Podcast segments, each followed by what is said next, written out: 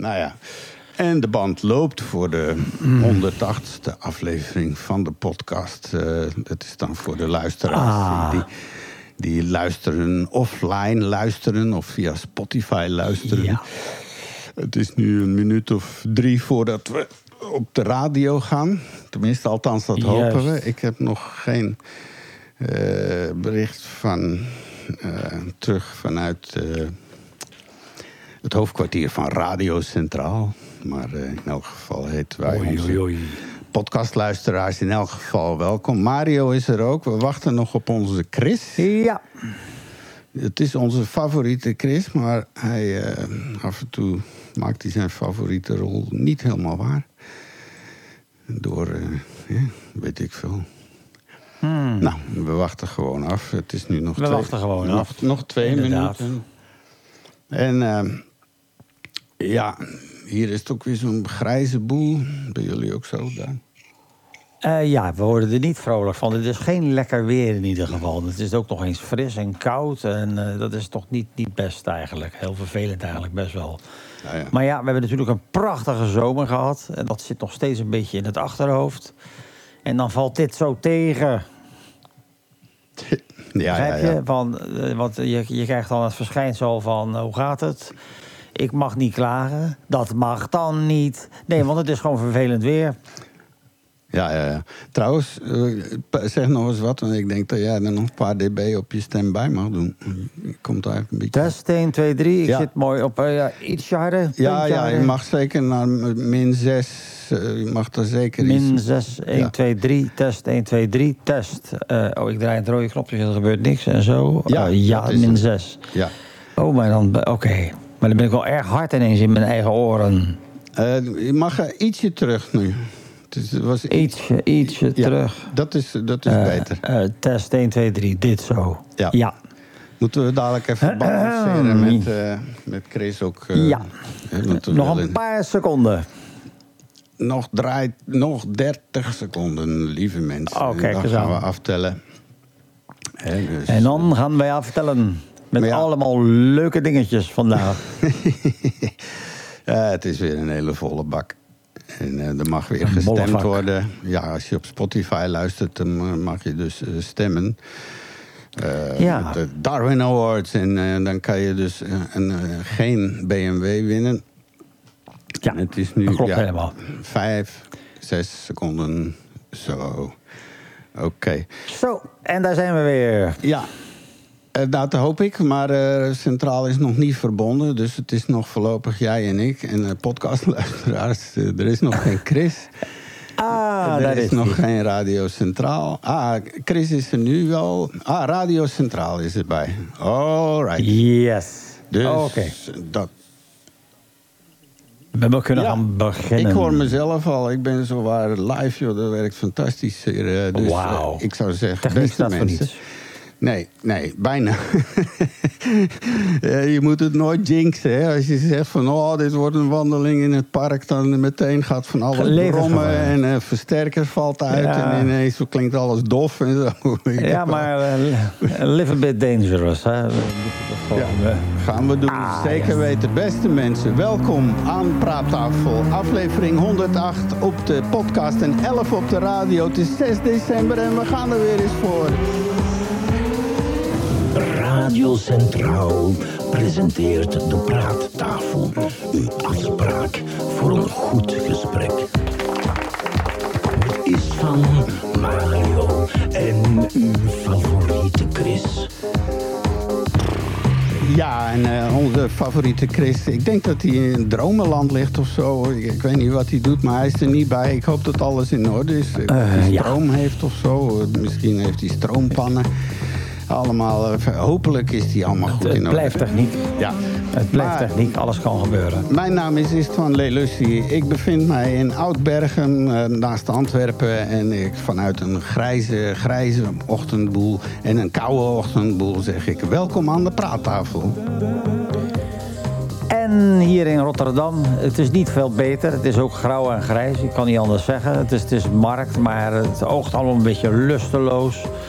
Is een beetje een kwakkeldagje, maar, maar desondanks dat heet ik iedereen welkom. hartstikke goed. En nou zou Chris iets zeggen, maar ja, dat bewaren we dan voor later. Want die is er gewoon eh, niet bij vandaag. Eh, of tenminste, nog niet. Chris, als je luistert op de radio... je kan ook via je gsm, weet ik veel, iets proberen. Bel maar of zo, krijg je er wel aan boord. Laat iets weten, jongen, want anders maken we ons maar druk. Hè? Zeker. Yes. Even kijken, wat ligt er op tafel vandaag? Eh, vandaag beginnen we de praattafel eh, over die Marokkaanse mensenketting. eh, die opstootjes probeerde te vermijden. En, en, ja, en dan komen we vanzelf natuurlijk terecht bij boeddhistische monniken aan de drugs. de tijden veranderen wat dat betreft. En dan ook Nou, nog eens een keer ja, bionische superslurven. Nou, nog maar eens killer drones. En het is vandaag natuurlijk 6 december. Het is Sinterklaas, jongen. Dat is, eh, hè? Ja, En dan eh, de gaan bisschop van Myrna. ja, en we gaan het niet over zwarte pieten hebben, maar ook niet over een zwart gat. En, eh, maar wel over wormgaten. Dat wordt Ja. Keiboeiend. En dat heeft dus niks te maken met die wormpjes die je gebruikt om vis te vangen, zeg maar. Nee. Nou, en dan eh, onaardse, eh, onaardse mineralen. hey, wauw, kan je binnenkort allemaal juwelen van kopen. En dan aliens op Venus. Hmm, ik dacht het niet. En dan komen we hopelijk, als, als Chris erbij komt... eh, met een mooi Sint-gedicht uit 1900... getiteld Pakjesavond. Ja.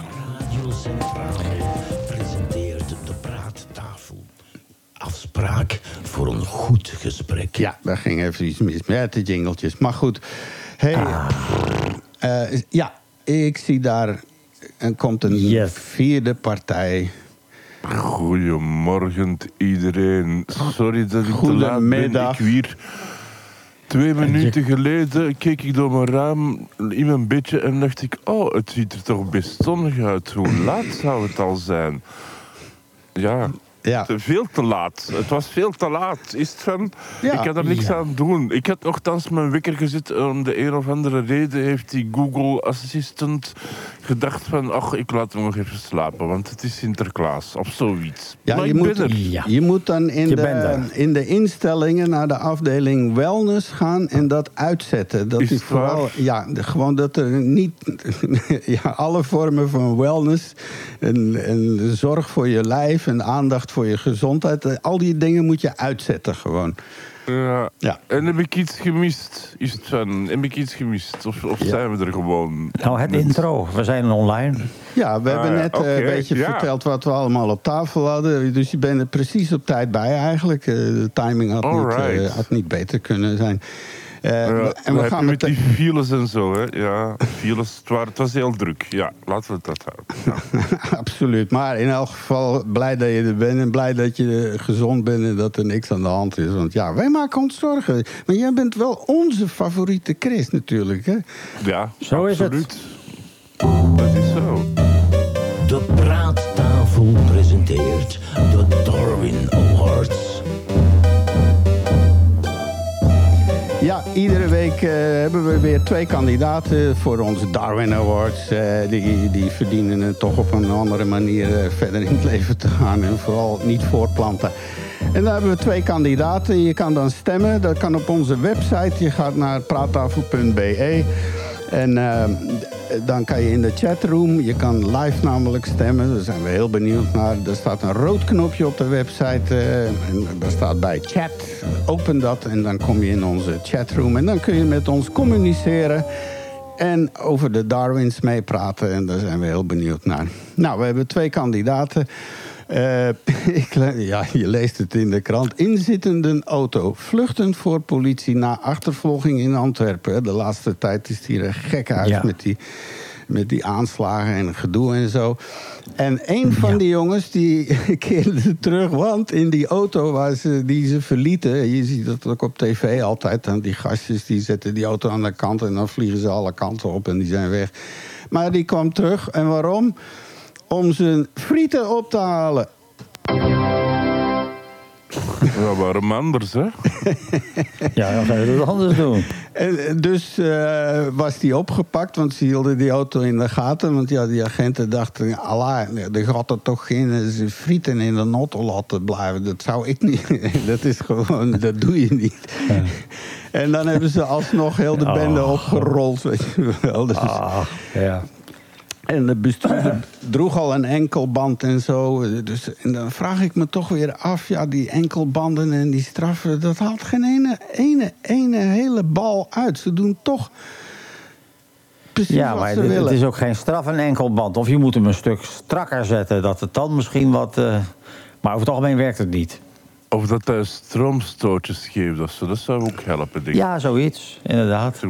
Ja, zo, Als je dat- je, je hond africht, dan heeft hij ook zo stroomstootjes. Ja, dat hij gekoppeld is aan jouw postcode op de een of andere manier. En als je dus buiten de, de, de, de comfortzone van je eigen huis komt... dat hij dan heel heet gaat worden, dat ding. Dat hij gaat roken uiteindelijk. Dat je terug moet rennen naar huis. Ik kan niet, daar, ik kan niet weg. Dan zou het echt een prima ding zijn. En dan zou die zelfs om de nek kunnen. ja, dan, nu komt het weer in de buurt van allerlei science fiction. eh, zo van, Ja. van die Netflix, Ja, ze- Electric Dreams. Zo. Ja, dat zou helemaal niet verkeerd zijn. Maar en kan je- en dus dan- dat is een goede reden, vind ik. Is van, wa- waar zou jij voor teruggaan? In mijn, in mijn, eh, als, als ik iets in de auto had gelaten... Ja, in die situatie. eh, ik zou mijn eh, frieten niet gaan ophalen, denk ik. Ik zou dan eerder gewoon naar de frituur gaan... en opgelucht een nieuw frietje kopen. En denken van... eh, eh, eh, die- Nee, ja, ik, ik, nee, ik, snap dat soort denken ook niet. Maar ja, dat geeft, het vertelt meer over, de, over de, die jongens, hè, die, die gasten die, ze, die dingen laten opknappen. Dat zijn ook eh, gasten met ja, een nogal beperkte opleiding, zeg ik het maar heel voorzichtig. Die misschien een beetje Ja. in, in te, Oei. Kerstweer? Bom, bom, bom, bom. Een wekker, een, een klok. Ja, dat is De deur, dat slag. is de deurbel die ik niet open ga doen. Want, eh, dat doen we niet. Maar ja, dus de politie wil. wilde... De zaterdagavond wilde de Antwerpse politie... een auto met aangedampte ruiten controleren... aan de Aartselaarstraat in Hoboken. Nou, dat valt natuurlijk altijd op als er stelgasten zitten. Dat is altijd aan het smoren of weet ik veel. Nou, de bestuurder zette het op een rijden, de achtervolging... en dan eh, een paar kilometer verderop crashte de tegen... Ja, daar krijg je het weer. Je zal, eh, mijn auto zal daar maar staan, weet je wel. Ja, maar je hebt het over jongetjes die wegstuiven. Maar ik lees dat artikel. Het zijn, eh, eh, ze werden allemaal opgepakt. Dat gaat dus, dat is, te weten de bestuurder, zijn vriendin, zijn moeder en drie minderjarigen. het was dus een hele familie. Aha. Oké. Ja, dat, geeft de Darwin Awards nu ineens een heel ander. Als die winnen, moeten we dus een heel stel beeldjes eh, maken. Eh, ja, dan, eh, dan kantelt het beeld toch enigszins. Ja. Dan is het gewoon een gestoorde familie. Precies. Oh, ja, we hebben ingebroken, maar ga jij, eh, zegt die moeder, dan ga jij even de frietkanon halen, want eh, Ah, ja, dat is heel vreemd. Ik denk dat de Darwin Awards winnaar in de tweede paragraaf zit. Het was de moeder die voor de frietjes die ze net waren gaan halen terugkeerde. De bes- dus eh, ja, en dan volg je die gewoon naar eh zoonlief. En die, die droeg een enkelband. En die waren hem ook voorwaarden opgelegd. Hij mocht geen voertuig besturen. Hij mocht geen drugs gebruiken. En, en weet je wat hij ook niet mocht? Geen strafbare feiten plegen. Oeh, nou dan Dat is het heel dat streng. d- dat lijkt me een voorwaarde die je niet hoeft op te leggen, want die geldt voor iedereen, toch? Ja, ja. Ja, bizar.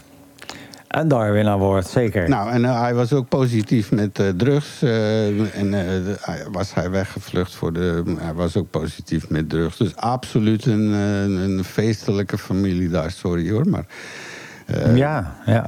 ik denk dat ze krijgen wat ze, wat ze dan gaan verdienen nu of zo, weet ik. Dus kandidaat 1, ik zou maar toch de hele familie... Nou, niet die kinderen, de- die zou ik er maar niet bij laten. Maar zeg maar de moeder die de frieten op ging halen... en dan de gast met zijn enkelband die daar helemaal niet mocht zijn en zo. Kandidaat 1. Ja, en dan hebben we er nog één. Ja, precies. Chris, je bent er nog? Het is zo stil aan de overkant. Ja, sorry. Ik ben nog altijd een beetje aan het ontwaken zo. Eh, maar dan... Mijn computer is helemaal opgestart nu. En, en mijn tekst staat er en zo. En dus, dus ik kan gewoon iets zeggen als ik dat zou willen. Dus ik, ik wilde dat waarschijnlijk niet er juist even zo. Oké. Nee, ja, precies. Eh, dus eh, dat is heel goed. Nou ja, kandidaat 2. Dat is een, eh, in een Spaans hotel. is er een eh, jongen gestorven. Dat is natuurlijk heel tragisch. Maar dat is een soort autodarwin al meteen. Die eh, 11 jaar oud was. Die, die eh, sterft na een val van een vijfde verdieping in een Spaans hotel. Want hij was daar met zijn vriendje parcours aan het doen. Hè? Ja. Ik weet Moet je niet misschien of... even uitleggen wat dat is? Ja, ken jij dat, Chris? Of... Ik doe dat dagelijks. Oké. Maar maar in, mijn- droom dan. En dan denk ik dat ik van het ene dak naar het ander spring en overal opkruip en terug afspring en, en zo. En, en dat is een sport, blijkt te zijn, onder jongeren. Dat is vooral in, in, het Franse eh, dingen begonnen. Ja, dat mensen geen geld hadden voor naar een, een sporthal te gaan. Dus die begonnen te oefenen op, op, eh, op alles wat er dan buitengewoon was. Eh, vuilbakken en, en, en, en banken en muren en huizen. En, en die zijn er heel snel, eh, kunnen die dus door de stad, eh, niet langs de straat, maar over de huizen en, en, en zo. Ik zeg te veel en eigenlijk, en huis. Oh ja. Minder. Ja. Maar dat is omdat ik nog een beetje aan het wakker worden ben. Maar dat is dus parcours. Ja, ja. En, en ja, Ja, ik- ja. Ja, je hebt het in Nederland ook. Alleen, Ja. ik moet wel zeggen, eh, dat is toch wel anders eh, dan vroeger. Vroeger, als je 11 jaar was, was je aan het knikkeren. Tegenwoordig prik je je nek van alles en nog wat. Eh, Het is toch wel anders geworden. Nou, het gevaarlijkste wat wij deden was landjepik. En dan mochten ja. we een aardappelmesje lenen van mama. En, en dan werd er een En dan in vierkant de grond getekend. gooien. Er werd Ja. een- en dan eh, gooide je dat mes en dan trok je een lijn. En dan mocht je kiezen welke helft van jou was. En dan eh andere weer een mes Ja. en zo. Dat soort spelletjes. Ja. En knikkeren, ja joh. Allerlei. ja, bikkelen en knikkeren, dat ken ik. Maar landje piek, dat is de eerste keer dat ik ervan hoor. Ja. ja, Met dus, een eh, mes ja. Ja, Nou, landje pik, dat- dat- dat- gooien. Je, je tekent eerst Ja. in, de aardgrond een soort vierkant of Ja. een rechthoek. En, en dan gooi je het mes. En als dat overeind blijft staan, dan wordt er een lijn getrokken eh, zoals dat mes eh, staat. En dan krijg je twee delen van dat vlak. En dan kies je, nou, dit is, dit Ja. is mijn helft. En dan mag. Ja, het is, een, het is een heel oud spel. Het is de landje pik komt oorspronkelijk uit Rusland. Oh, Aha, dat verandert- afschaffen, ja, afschaffen dat- meteen. Oké. maar dat even tussendoor. Nou, oké, dat is de researchafdeling die, eh, die, die constant bezig is, die ons helemaal ondersteunt enzovoort. Dus eh, ja, dat is, dat is eh, spijtig voor die jongen, maar eh, ja, die, ja, we kunnen daarop stemmen. En nou ja, de, dus moeder werd ook naar hetzelfde ziekenhuis. Ja, hij is zwaar gewond, hij, hij sprong op een koepel en die begaf het. En dan is hij dus vijf verdiepingen naar beneden gestort. Oh my god. Bijna zo'n Ja, James Bond filmachtig iets, ja. Ehm, ja, hij zou samen met een andere minderjarige in het hotel hebben binnengebroken om eraan parcours te doen. Zo bevestigt de politie. En dat is inderdaad een sport eh, waarbij mensen. eh, nou ja, dus nu de Guardia Civil. Maar in elk geval, dat is dus de tweede kandidaat. Eh, dat is de sportparcours, maar. maar dus ja, een jongen van 11 die zichzelf heeft overschat en het parcours zelf onderschat. Ja, om een glazen koepel gaan staan die, die het begaf. Nou ja, dat op zich is het al, getuigt het al van niet al te veel inzicht in mechanische mogelijkheden, zal ik maar zeggen. Nee. Maar ja, Vooral in Spanje. ja, Ja, In Spanje zou ik aan alles twijfelen. staan, maar ja, qua bouwen zeker, ja. Ja alleen eh, ik ben eh, een paar keer daar geweest en het, ik vind het wel de meest waanzinnig mooie toiletten die ze altijd hebben in die restaurants. Die ontwerpen, die zijn allemaal, die, daar maken ze altijd een soort kunstwerk van. eh, dat is mij dan opgevallen. Ja, maar dat ligt aan het Spaanse eten. Je hebt dat daar nodig, denk ik. Ik vermoed het. om afgeleid te worden. Dus de- twee kandidaten, we zien nu tegemoet op, eh, in de chatbox. Dat is op eh www.praattafel.be. En klik dan op de rode knop en je komt mee aan tafel. Je kan dan ook andere dingen aan ons vragen of suggereren. Zo willen wij proberen een beetje interactief te zijn met ons publiek. Op de livestream Ja. en in eh, heel de provincie Antwerpen. enzovoort. Dus eh, dan gaan we maar eens door naar het volgende blokje. En dat is gewoon nieuws. Eh, daar hoort dan een soort nieuwsbedje bij. Ja, wat, eh, wat viel ons op? Jou, jou viel iets op afgelopen zondag in Antwerpen? Chris? Ja, dat, dat, dat klopt inderdaad. Is het van.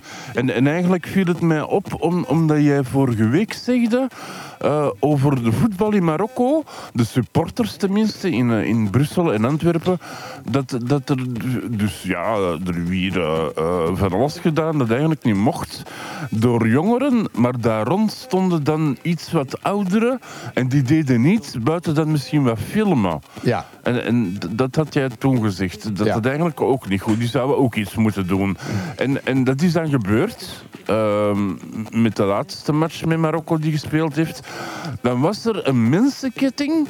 En, en vooral door papa's, Marokkaanse papa's en zo. die- Dus die iets ouders waren.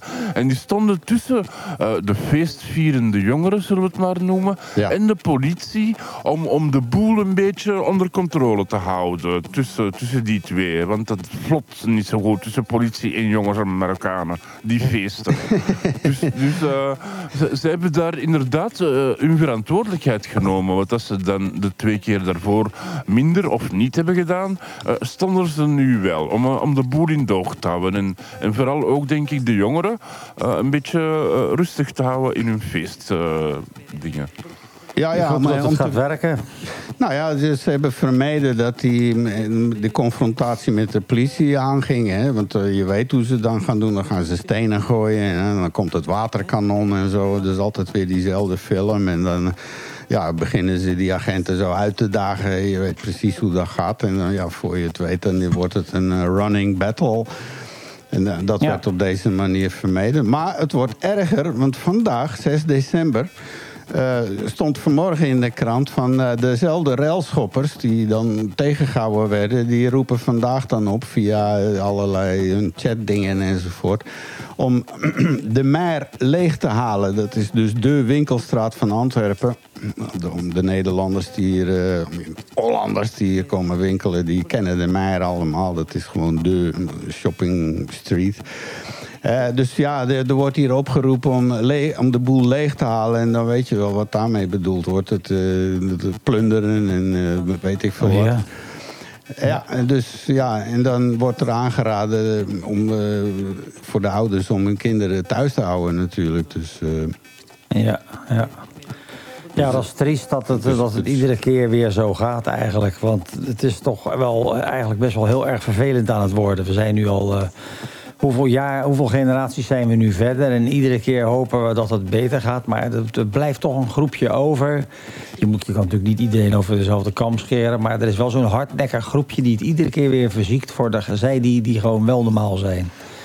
En helaas lijkt het erop, dat hebben we ook in Nederland, dat daar geen antwoord op is. Eh, Vooral omdat het ook zo'n kleine groep is. En ook het feit dat ze het verzieken voor de welwillenden. nou ja, Dus ja, dat er dat is wel iets van. Maar de- er is toch altijd die, die cultuur, eh, hoe, hoe wild dat ze ook zijn, dat er een bepaald respect is voor ouderen. En dan vooral eh, hun ouderen. Het hoeft dan niet hun ouders te zijn, maar ook iemand van Marokkaanse afkomst. Ja, ja. eh, waar toch naar geluisterd wordt. En, en dat schijnt toch wel goed te werken. Eh, Nou, als je, als je inderdaad niet beroofd wil worden, dan helpt het heel erg. Eh, dat is een goede tip. Als je Marokkaans bent. Ja, of bij iemand is die Marokkaans is. ja, Ja, ja. klaarblijkelijk. En dat is best wel triest. Maar ja, het is, het, Ja. het is dus inderdaad jammer dat het eh, label Marokkaan er weer aanhangt. En niet gewoon, ja, je hebt ook voetbalhooliganisme, wat eigenlijk bijna hetzelfde doet. Dat loopt ook regelmatig flink uit de klauwen en zo. Maar ja, dan eh, niet. Maar nu in dit geval eh, is het heel duidelijk verbonden aan, eh, aan die bevolkingsgroep. En, eh, maar, maar het En, is en ook- dat, moet je ook kunnen beno- dat moet je ook kunnen benoemen. Dat zo bijvoorbeeld hebben we ook dat eh, bij dat Zwarte Piet gedoe bijvoorbeeld in Nederland. En die groep die, die ook echt voor heel veel overlast zorgde. Dat waren weer allemaal boerenzonen. En dat mag je ook benoemen. En dat benoemen we dan wel. Het Vlaams Belang eh, van Grieken, dacht ik dat was. Die, die zei. Oh, sorry. Ja, nee, Ja, wat, wat zei ja. je? Oeh, ja, nee. Dus die, die partij, die zei ja, eh, niet alle Marokkanen zijn eh, die feestvierders, maar het viel mij op dat alle feestvierders wel Marokkanen waren. En dan denk ik, ja, dat is- inderdaad zo. Het, het was ook Marokko die speelde, dus dat was ook de reden waarom dat ze buiten kwamen. Ik denk dat je met eender welke ploeg voor het eh, Italië of zo, Charlotte, daar niet had moeten tussen staan, die moment. Nee, maar daarom, als de Italianen winnen of verliezen... dan zie ik ze hier nog niet door de winkelstraten gaan... en eh, de boel in de fik steken. De, de- Ja, die, dat is die nog een eh, andere toeterend zaak, rondrijden, gaan toeterend Ja. rondrijden... en ze springen eens in een fontein of zo. Maar eh, dat is toch ongeveer... Maar, maar ja, de- deze jongens die kiezen ervoor om een bepaalde soort frustratie eh, uit te leven. Er zit waarschijnlijk toch een eh, hele diepe, diepe, diepe frustratie ergens opgeborgen. Want ja, het is inderdaad al 40, 50 jaar. Maar ja, het zijn nu, dit is wat waarschijnlijk zelfs de derde generatie eh, van Marokkaanse Misschien hebben die allemaal wel last van ADHD, weet je? Dan kunnen ze het niet onder controle houden. Hoe blij dat ze eigenlijk zijn. Ja. Nu, Chris had een eh, linkje doorgestuurd van een eh, toespraak van, eh, dat is, de, van de fractievoorzitter van het Vlaamse Belang. Eh, die heeft een toespraak Oh, daar gaan we weer. Sorry. Benoem het niet zo. Ja, nou ja, goed. Maar ik, ik wil één klein stukje laten horen. Als de match België-Marokko twee zaken heeft bewezen, dan zijn het deze. Ten eerste, de Rode Duivels zijn te oud en te traag. En ten tweede, dat de integratie van de Marokkaanse gemeenschap na 50 jaar compleet mislukt is. Ja, verder wil ik dit niet doen, want het is gewoon een, eh, een TikTok-spotje van- op, eh, op TikTok van het Vlaams Belang. En ik, ik denk, als je Ja. het helemaal laat horen... Ik, ik heb dan het gevoel dat ik dan propaganda aan het maken ben. En eh, dan ga je gewoon... Het maakt Nee. Hun maakt het niet uit als het maar gehoord wordt, weet je wel. Ja, Ja, maar, is daar wel- is dus dat hij zegt van, van die Marokkanen. Het waren allemaal Marokkanen. En dan denk ik, ja, maar het was ook Marokko dat speelde. Dus dat was wel de reden waarom dat allemaal Marokkanen zijn. Ja, nee, tuurlijk, daarom. Dus we moeten het wel nuanceren eigenlijk. En het is ook Mhm. zo, als er, als, als er als er duizenden jongeren op straat zijn... Dan zijn het, en eh, we hebben die overlast, dan zijn het niet die duizenden jongeren. Dat is gewoon een hele kleine groep. Alleen dat kleine groepje, dat moet wel stevig worden aangepakt. En daar, daar, daar, daar gaat het vaak fout. Nou ja, misschien moeten we Ja, hetzelfde, of- hetzelfde doen als zo in... eh, ja, zeg het maar, Chris. Ja, of, of, of dus onder controle gehouden worden door ouderen die zeggen van nee, dit mag je niet doen, dat is geen goed idee. Of misschien moeten we ze zo'n bandje geven rond hun hals dat dan stroomstoten geeft. Ja, ja, ja. Ik zie dat alweer naar het Hof van de Mensenrechten in Straatsburg gaan. voor, voor, Oh, eh, ja. hè, want dat, Ja. dat Maar als verdediging, ik ben net wakker. Dus, dus ik zeg domme dingen soms af en toe. Ja, maar dat is je vrijgeleide. Eh, Dat moet je gewoon dan elke keer doen. weet je. Ja. Overal, als ze me tegenhouden op de autostrade, meneer, u reed te snel. Ja, ik ben net wakker. Ja, ja, zeker. Hmm. Eh, even kijken, ja, net wou ik wat zeggen, maar nu ben ik daar kwijt. Oei. Want ik weet niet Ja, waar we Alzheimer, waren. hè, daar kunnen we het ook over hebben. Er is nu een nieuw medicijn, daar kunnen we het zo over Ja. hebben. Alzheimer, wie heeft hier Alzheimer? En wie ben jij eigenlijk? Ja, Wat dat- zijn we aan het doen? Waar zijn we? ja. Eh ehm, ja. Boeddhistische tempel eh, verlaten eh, nadat alle monniken positief testen. Soms lees je inderdaad iets in het nieuws van... Wat? Ja. Hoe? Hè? Maar er is inderdaad een heel dubbel beeld dat we hebben over die bo- boeddhisten hier. Dat het allemaal zo van die, net zoals op die beeldjes, zo van die vredig biddende dikzakken zijn. die Ja. met Een kaal hoofd die de hele dag maar mummelen. Maar ik denk dat het beeld een beetje verkeerd is, hè Mario? Of? Ja, en hoe ontstaat zoiets? Hè? Dan denk ik dat er zo'n hoop monniken samen zijn aan het mediteren. En dat er een fluistert van zich. Ik heb iets gevonden en dat werkt tien keer beter om te mediteren. en dan probeert die andere dat ook. En dat En blijkt dan ja, een, je een heel zwaar terug te zijn. eh, en Ja. dan moeten ze ineens allemaal gaan afkicken. Ja, dan Dus- kunnen we daar. 18 uur mediteren in plaats van 10 uur. Ja. Ja. ja, over die mediteren. Ik, ik, ik ben nogal in Azië gegaan. Ik ben daar vaak geweest. eh, En vaak ook weken achter elkaar in verband met een project daar in de bossen. En het is daar zo dat het is een soort sociale dienstplicht. Dus als je dus eh, 17 jaar wordt, dan word je geacht een jaar monnik te zijn. Ah, oké. Eh, en zo werkt dat daar. Dan, krijg je die, eh, dan wordt je kop kaal geschoren. Je krijgt zo'n oranje Sinterklaas onderjurk aan. En, eh, en, eh, dat- en je moet 's ochtends voor het krieken van de dag moet je opstaan... en eh, langs de dorpelingen gaan om te bedelen voor eten. En de rest doe je eigenlijk niks. Ja. Behalve dan dat mediteren. Maar ook dat Bedelen- mediteren... Ja, Ja. het wedelen voor eten. Dan eigenlijk eh, gaan ze rond en geven de mensen dan eten om, om een goede dag te hebben. En, en geluk en, en minder Ja, dat problemen. soort, en dat soort hè. ideeën, ja.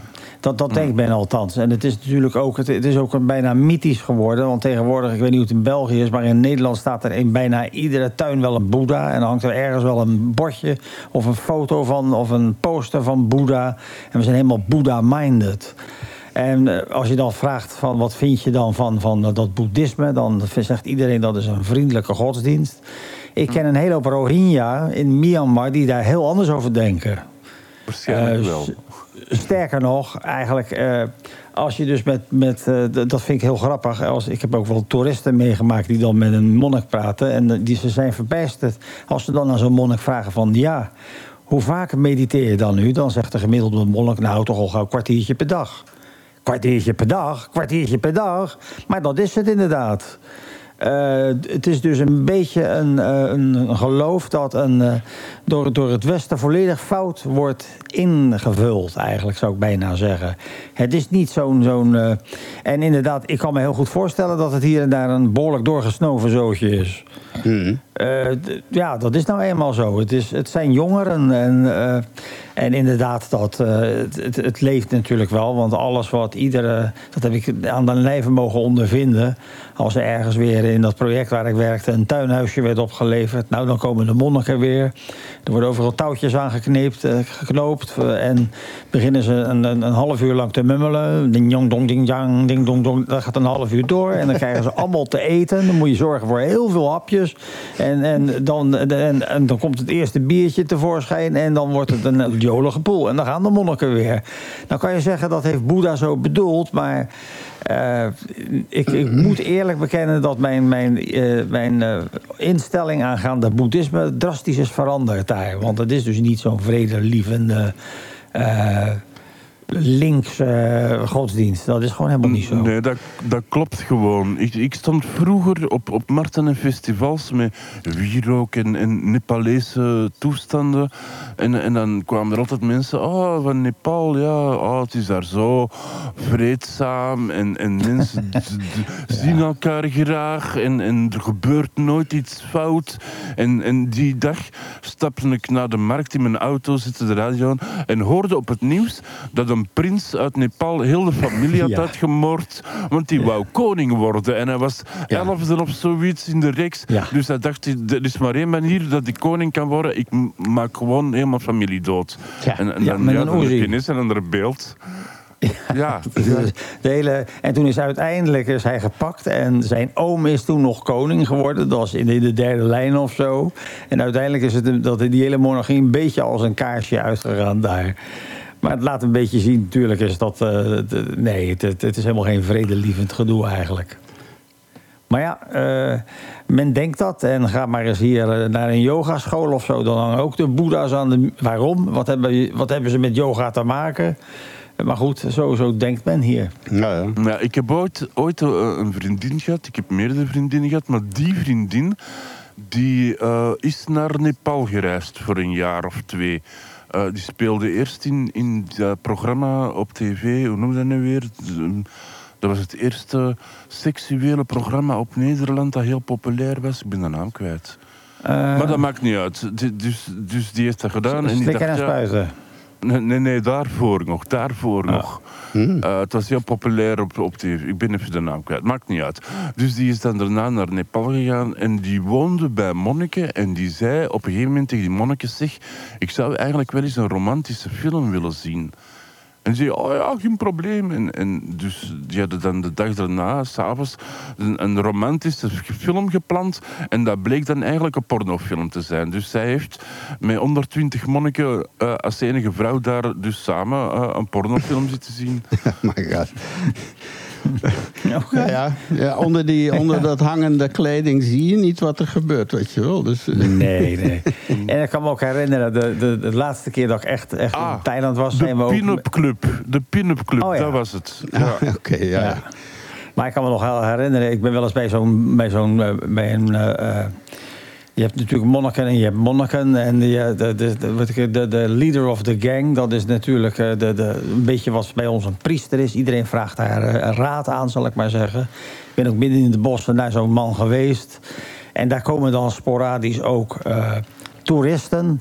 Het, en die monnik, dat was toevallig eh, de oom van een vriendin van mij, een Thijse, die daar woont. Dus, eh, dat, dat, en ik, ik, dus dat is een hele andere orde van grootte, zoals je elkaar leert kennen. Dan kom je echt met de Thai, bij de Thai. Eh, en als er dan daar toeristen komen, dan is het een hele. Dan, dan is uh, Somboen, heette die geloof ik. Dan is Somboen een hele rustige, vriendelijke, wijze man. Die, die begrijpend knikt en die eh, goedwillend eh, giften aanneemt. eh, voor, eh, want, want er wordt dan eh, een verhaaltje opgehangen van. Want ze zijn aan het sparen voor een, nieuw, voor een nieuwe tempel. En eh, iedere toerist duwt wel een, een centje in het, eh, in, het, in het zakje, zal ik maar zeggen. En zijn ze dan weg, nou dan gaat, meneer opa, eh, dan- dan gaat de oom van die vriendin van mij die gaat naar beneden. Die doet ergens een deurtje open en die stapt in zijn high-tech woning met, met internet en de hele dekselse bende. En die gaat dan even kijken hoe zijn aandelen het doen. Dat is, ja, kijk, dat is de andere kant. Dus echt, dat heb ik echt meegemaakt, hè, zo. Ja, dus eh, het is een beetje een, eh, een, een, een, eh, ja. We moeten dat nuanceren, dat beeld. Daar ben ik een groot voorstander van. Zeker weten.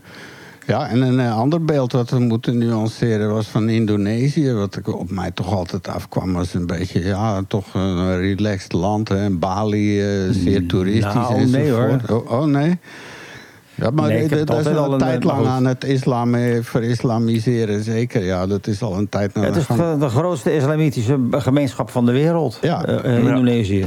Ja, zeker weten. En eh, nu gaat het nog een stap verder. Want ze gaan echt lekker vooruit in deze vrije, liberale wereld. Ik denk het niet.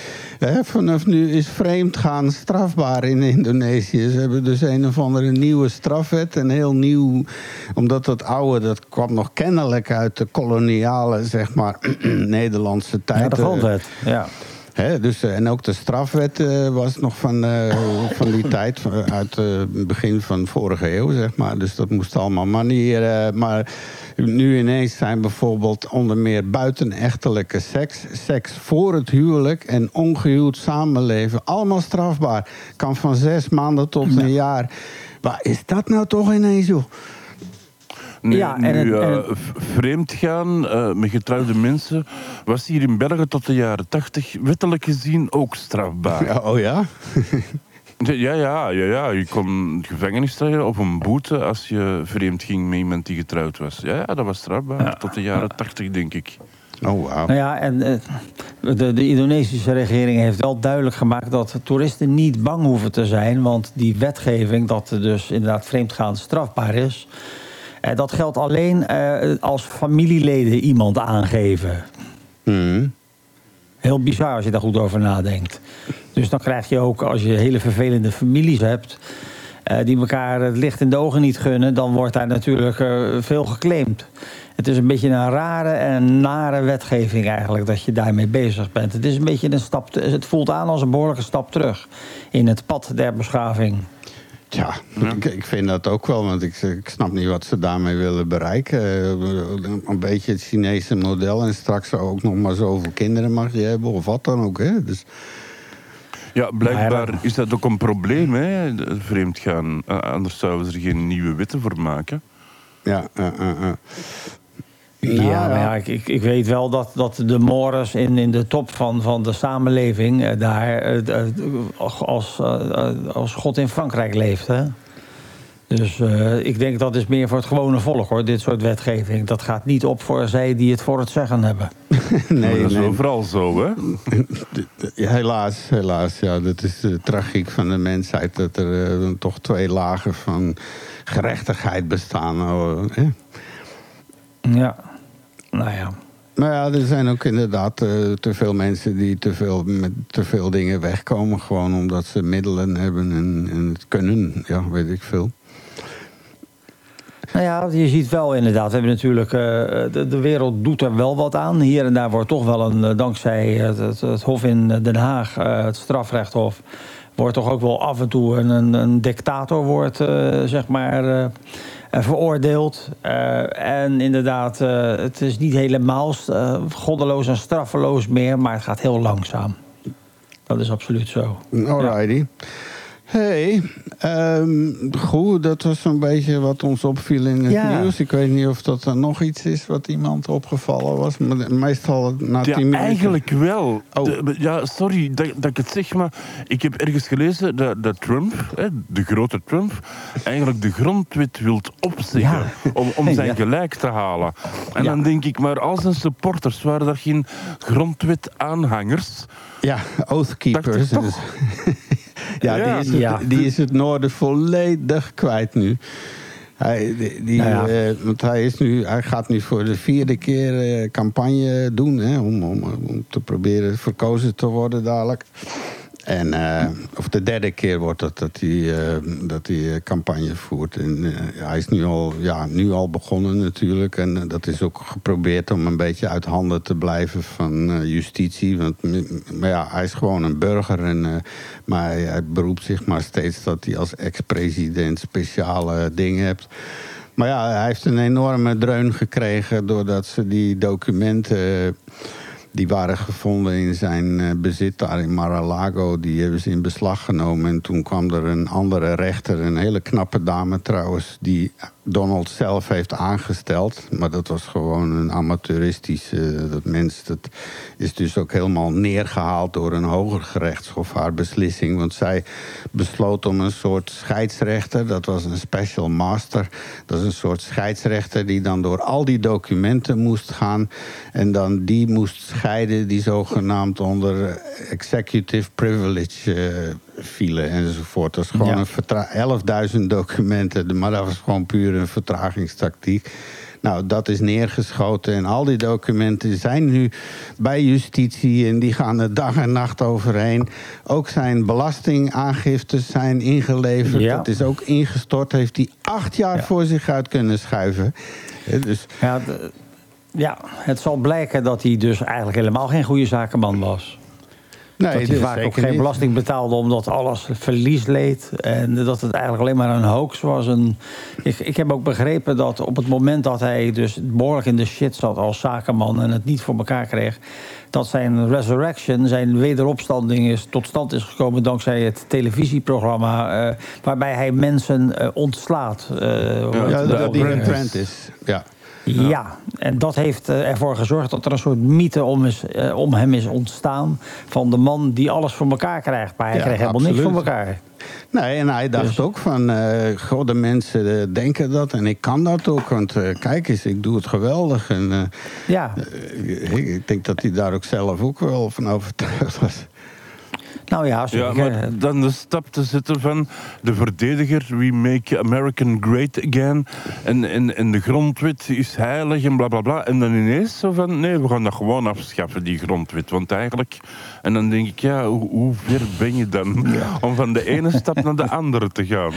Ja, maar hij hangt nog helemaal aan die verkiezingen van, die gestolen zouden zijn. En je merkt nu wel in de... Want ik kijk best veel zo Amerikaanse nieuwsmedia. Ik ben een beetje een nieuwsfreak.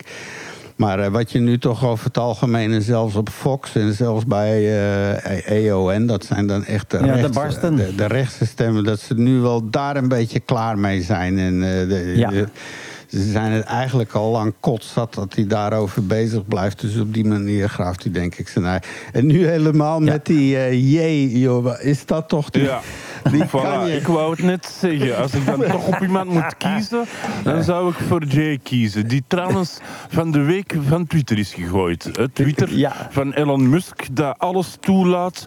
En, en niemand zou die letten, heeft dus eh, Jay van Twitter gegooid. Ja. Omdat hij een hakenkruis had gepost. Misschien om te testen hoe Nou, zij het kon was gaan. een soort hakenkruis met een jodenster in elkaar eh, verweven. Een Ja. soort illustratie was dat. En dan, en dan was hij bij Alex Ja. Jones. Dus dat is die man die, Die nu helemaal failliet veroordeeld is. Die, die radio...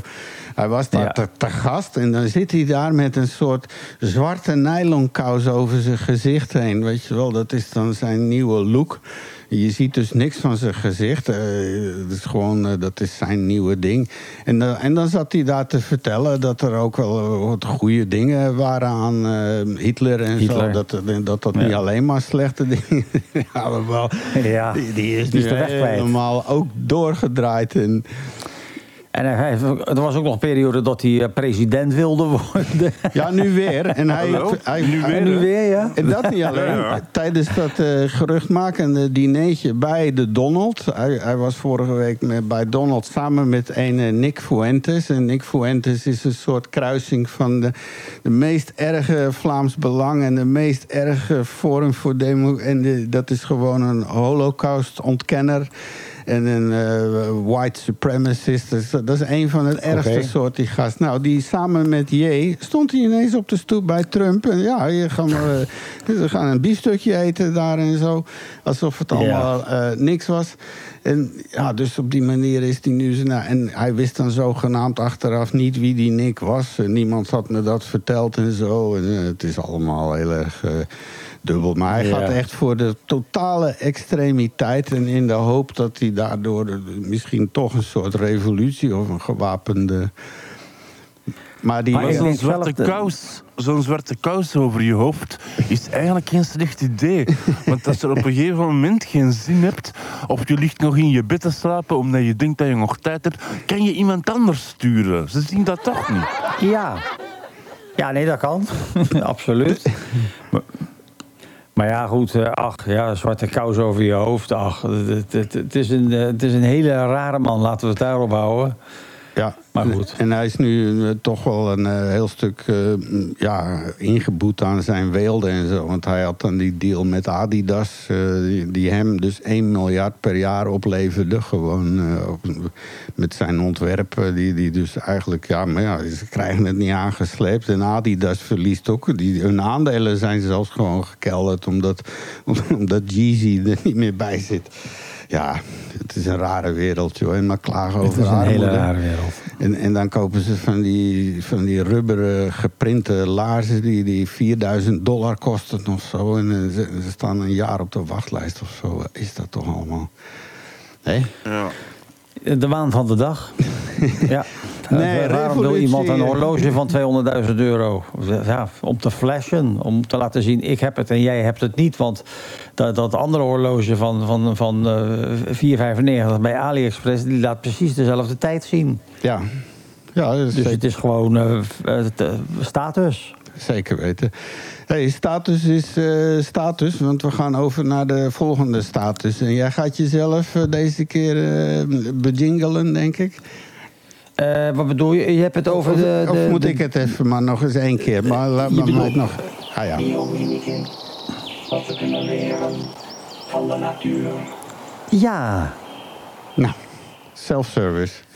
Self-service. Ik wil het vandaag hebben over de olifantslurf. De olifantslurf, ja.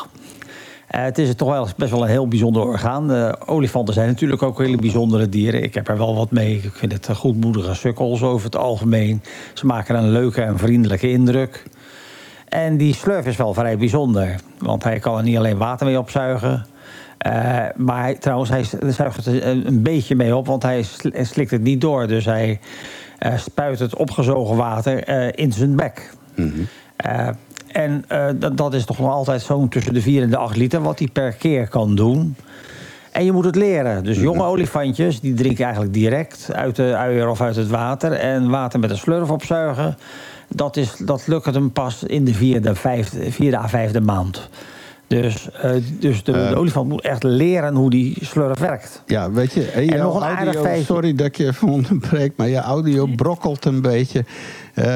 Ik Oh. heb eh, twee vragen, dus kan je ook in de chat, in het documentchat komen? Dan kan ik jou Ja, toe die- iets die- die roepen. en misschien moet je even in en uit Lucy, even één keer even gewoon eh, on en off Oh. Oké, nou, ik ben er binnen een seconde weer terug. Ja, Ja, dus, eh, olifantslurf, als ik dat even overneem, schijnt ook heel lekker te zijn, olifantslurf. Ik heb ooit eh, horeca gedaan en, Ja. en mijn baas, mijn eerste baas, die, die heeft op de Afrika-boot gewerkt. En, en die zei, ja, ik heb ooit olifantslurf gegeten en, en, en dat was lekker. Voilà, kijk. En, Mario is terug, dus ik ga meer Ja. dingen vertellen. Nee, maar inderdaad, dat zou zo. Het is natuurlijk alleen maar spier. Dit, eh, dus, en, dat, dus, ja, en alles wat spier is, dat vinden we over het algemeen goed te eten. mhm. Eh, want er zitten dus eh, niet- ontzettend veel spieren in. De, de schattingen lopen tussen de 40.000 en de 150.000.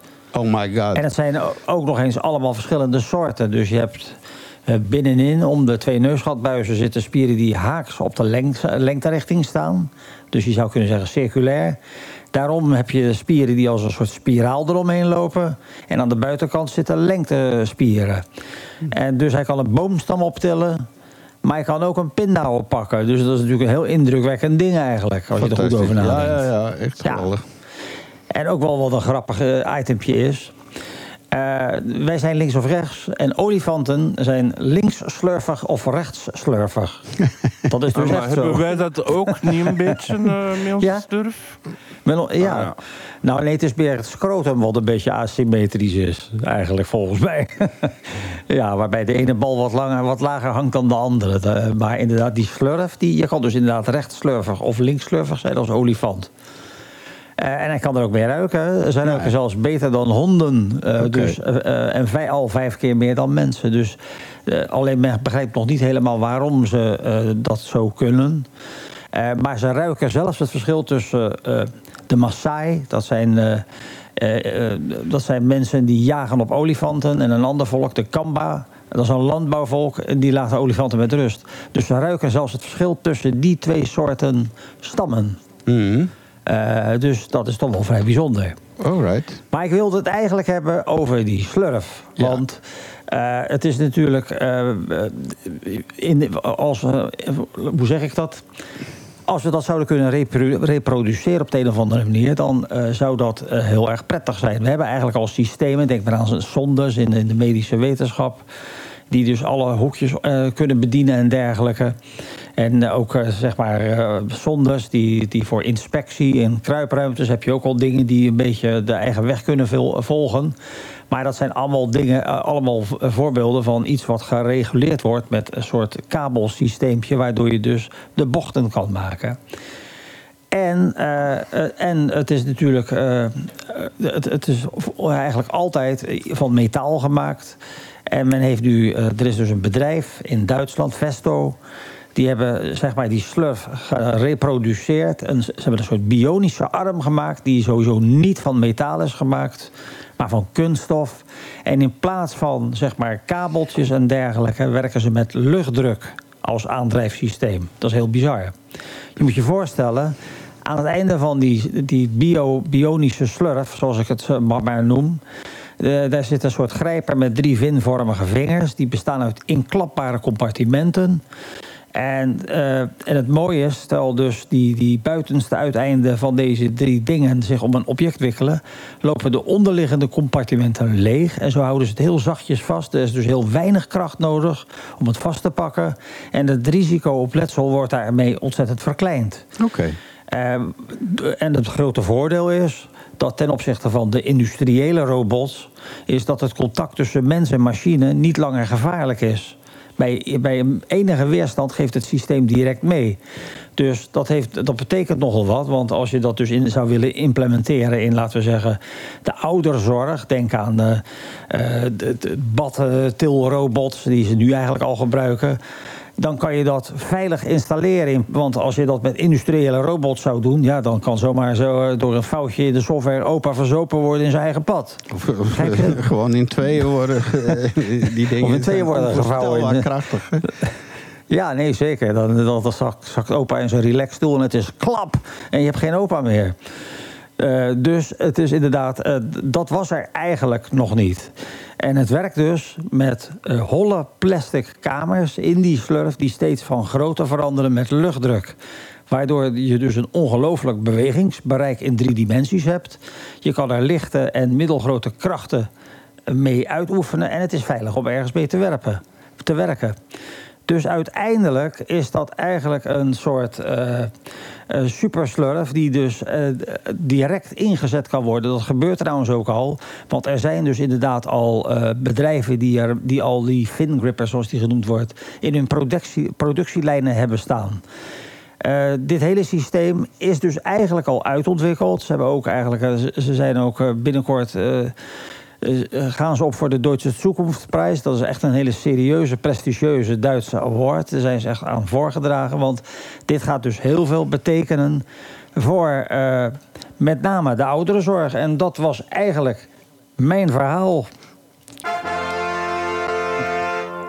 En, en kunnen we dan in de toekomst, eh, als we een arm of een been verliezen, in de plaats een, superslurf eh, installeren? Nou, misschien wel.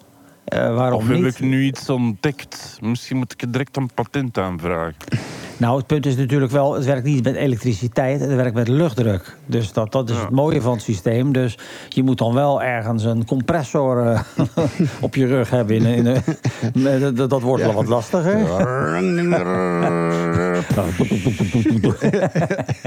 ja, Ja, dus, maar, het, eh, maar het, het, het heeft zeker eh, mogelijkheden. Dat, dat, dat, eh, ja, dat, dit, dit was er gewoon nog niet. Nee. En er staat ook een prachtig filmpje op het internet waar, Ja. waarin ze het laten zien. En het is een hele elegante manier om zonder motoren, want daar praat je dus eigenlijk over, om zonder motoren dit te doen. Ja, ja, zeker weten. Hey, en nu je het erover zegt, hè, de link, alle, alle links, alles waar we het over hebben, kan je allemaal terugvinden sta, dadelijk eh, na de show op onze website eh, praattafel.be, zoals alle voorgaande programma's. Als je echt nog van alles wil horen over honderden keren, dat, nou honderden keren, dit is aflevering 108. Eh, dus even dat. Ehm, ja, oké. De superslurf, de video is inderdaad wel boeiend. En eh, ja, zo leren we elke week weer iets bij van de natuur. Ja. Hè? En eh, Mario is degene die ons dat allemaal bijbrengt. Dus eh even right hoor. De hysterische historie op tafel. De hysterische historie op tafel. En eh, we gaan het hebben over wat is het vandaag, welk onderwerp. Het is nu wel de derde keer dat we het in no time over de man hebben gehad. Maar eh, zeg het maar, Chris. Het is ook zijn verjaardag. Daarom. En, en, en daarom dacht ik van, ik, ik ga eens iets anders doen. Af en toe moet je dat gewoon doen, iets anders. Dus ik ga iets anders doen. En we gaan het hebben over uiteraard de Sint. Maar ik, ik, ik wou van alles opzoeken nog deze ochtend. Van gekke dingen over de Sint. M- maar blijkbaar was mijn wekker niet afgelopen. Dus mo- moet ik uit mijn persoonlijke geschiedenis van alles halen. En, en ik denk, het eerste dat ik mij nog herinner van de Sint... was dat hij aankwam in Antwerpen op de Schelde. En dan ging hij met zijn paard... en dat was ook de laatste keer dat ze dat gedaan hebben... met zijn paard van de boot. Dus hij zat op zijn witte schimmel... en hij kwam trots van die boten af. Dat was toch de bedoeling. Maar ze zijn beide, hij en het paard, in de Schelde beland. En ik geloof Oh dat dat in Nederland ook eens gebeurd is. Dat, dat staat Oh, niet op. YouTube, zeker. Hè? Eh, Dat, weet ik zelfs niet, maar dat is, ja, ik was toen zelf klein. Dus dat, is, ja, dat, dat was toen dat de dieren nog konden praten. Is van. Dus, Ja? dus YouTube oké. bestond toen nog niet. eh. dus dat was Nee. zo en mijn, mijn eerste ding met de Sint toen dat ik klein was. Ik had ook wel dat ik... De, elke supermarkt had zijn eigen Sint blijkbaar. Toen snapte je dat niet. Maar je ging dan naar de supermarkt waar je woonde om, om de Sint op zijn schoot te zitten en te vertellen wat dat je allemaal wou. En toen dat je onderweg was naar die Sint, reed er een ander Sint nog voorbij een stoet. Dat, dat was al heel voor een kind zo. Ja, ja, ja, hoe- vreselijk. Hoe doet hij dat? Er zijn niet alleen verschillende Pieten, maar ook verschillende Sinten blijkbaar. Ja, en en die- dus, maar nog, ja. Ja, en die dan? trauma's die laten natuurlijk een hele leven lang verder een imprint achter op jou. Hè? Dat je ja, niet die meer maken snapt mij gewoon. wat ik nu ben. ik weet niet of het dat positief is, maar het is zo gewoon. We kunnen stemmen. En- en je kan stemmen in de chatbox, mensen. Ja, en, en wat ik mij nog zeker herinner was... Met mijn vader, een, een heel eh, toffe vader... maar die was nogal redelijk op zijn privé gesteld. En, en Ja. vooral op zondag liep hij nog wel eens in zijn pyjama rond op de ontbijttafel. Alleen niet op de, maar rond de ontbijttafel. En op een gegeven moment... Mijn moeder was bij de KAV. Ik weet niet of dat je dat kent. De Christelijke Arbeidersvrouwen, dat is zo'n vereniging. En, en die naaien en, en, en gaan sowieso op reis naar Madurodam en zo. En, en die was daar nog redelijk eh, ehm, mee bezig. En, en dat is verbonden met de KWB. Dat zijn dan de Christelijke Werkmannenbond toestand. Ja, ja. En die hadden elk jaar zo een, een Sinterklaas. En dan waren een paar mannen en die verkleden hun. En dan gingen die overal rond bij de families. En dan hadden die wel eh, mandarinetjes bij en, en speculaas. En die dachten van, ah, de, de familie eh, van de favoriete Christen, die zijn toch met vijf kinderen. Zullen we daar eens niet langs gaan, zondagsmorgens? en, en, en die belde aan de deur. En mijn vader was nog in zijn pyjama. Dus dat kon hij niet hebben. Gezien worden in zijn pyjama door Sinterklaas. Dus die stond en die kon dan kiezen tussen... Als ik langs de keuken naar boven ga, kan ik mij omkleden. En als ze langs de keuken gaan, dan kan ik langs de woonkamer naar boven gaan. En dan zien ze mij niet en dan kan ik mij omkleden. En wat gebeurde er? Is van... Sinterklaas ging langs de keuken en de Zwarte Piet langs de living room. Dus hij zat vast. En hij riep keihard... Ja, ik moet dat allemaal niet hebben, dat gezever. En ik heb nog nooit een Sint en Pieten zo snel buiten zien lopen toen. Nou, Maar als kind is dat nog eens een trauma, uiteraard. En dan Ja. heeft hij het jaar erop de Sint en de Piet besteld toen hij nog aangekleed was. En dan kregen we allemaal heel mooie cadeaus. Ik kreeg toen een houten fort met van die lode, waarschijnlijk giftige cowboys en indianen. En, eh, dat was toen mijn cadeau. En ik was toen heel blij. Maar, maar dat waren dus mijn herinneringen als kind aan de Sint. Eh, Heb jij zoiets gehad, is het van?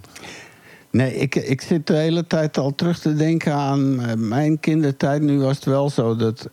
eh, omdat wij Hongaars waren. Ik ben dan met de Hongaarse cultuur thuis opgegroeid. Ja, En maar ik en- heb dat ook, hè? Ja, dus ik, Ik- ik maar ik heb dus ja. geen, want ik kreeg dan ook niks met Sinterklaas. Ik kreeg alleen de cadeautjes met eh, onder de kerstboom werden de cadeaus gelegd. Hè. Dat, eh, dus ik, ik, Hmm. eh, ik probeer, maar dat is misschien, daar ben ik misschien te oud en te eh, pre Heb je nooit een schoentje gezet? Nee, dat deed ik niet. Aan de centraal verwarming. Want wij hadden geen schouw. En, en dan moest je zingen tegen Nee. de centrale verwarming. Nee, toen ik kind Zo was, eh, woonden we in eh, Woerden. En ik, wat ik me herinner, we hadden, eh, want mijn moeder kreeg een eh, woning. Die was vluchteling, die was in Amsterdam terechtgekomen. Ik ben daar geboren. En dan heb ik anderhalf jaar of zo in opvang bij een gezin. En uiteindelijk, ja, in Woerden was er dan ineens een woning beschikbaar. Aan de Gerard Douwstraat was dat. En... eh, eh, afijn, daar ben ik dan dus opgegroeid. En dat was een heel klein, eh, zo'n arbeiderswoningje. En ik kan me nog herinneren, de, de, de vloerbedekking, dat was dan Jabo, heet dat. En dat bestaat nog steeds. Dat is van een soort... Jabo? Ja, dat is van een soort vezel gemaakt. Dat is zo dat eh, groen-bruine. Dat is onverslijtbaar. En dat is, wordt in Nederland gemaakt. Nee, nee, het is wel heel erg natuurlijk. En eh, het bestaat nog Mhm. steeds. En eh, je wil dus Zo'n niet... bevo- tegel.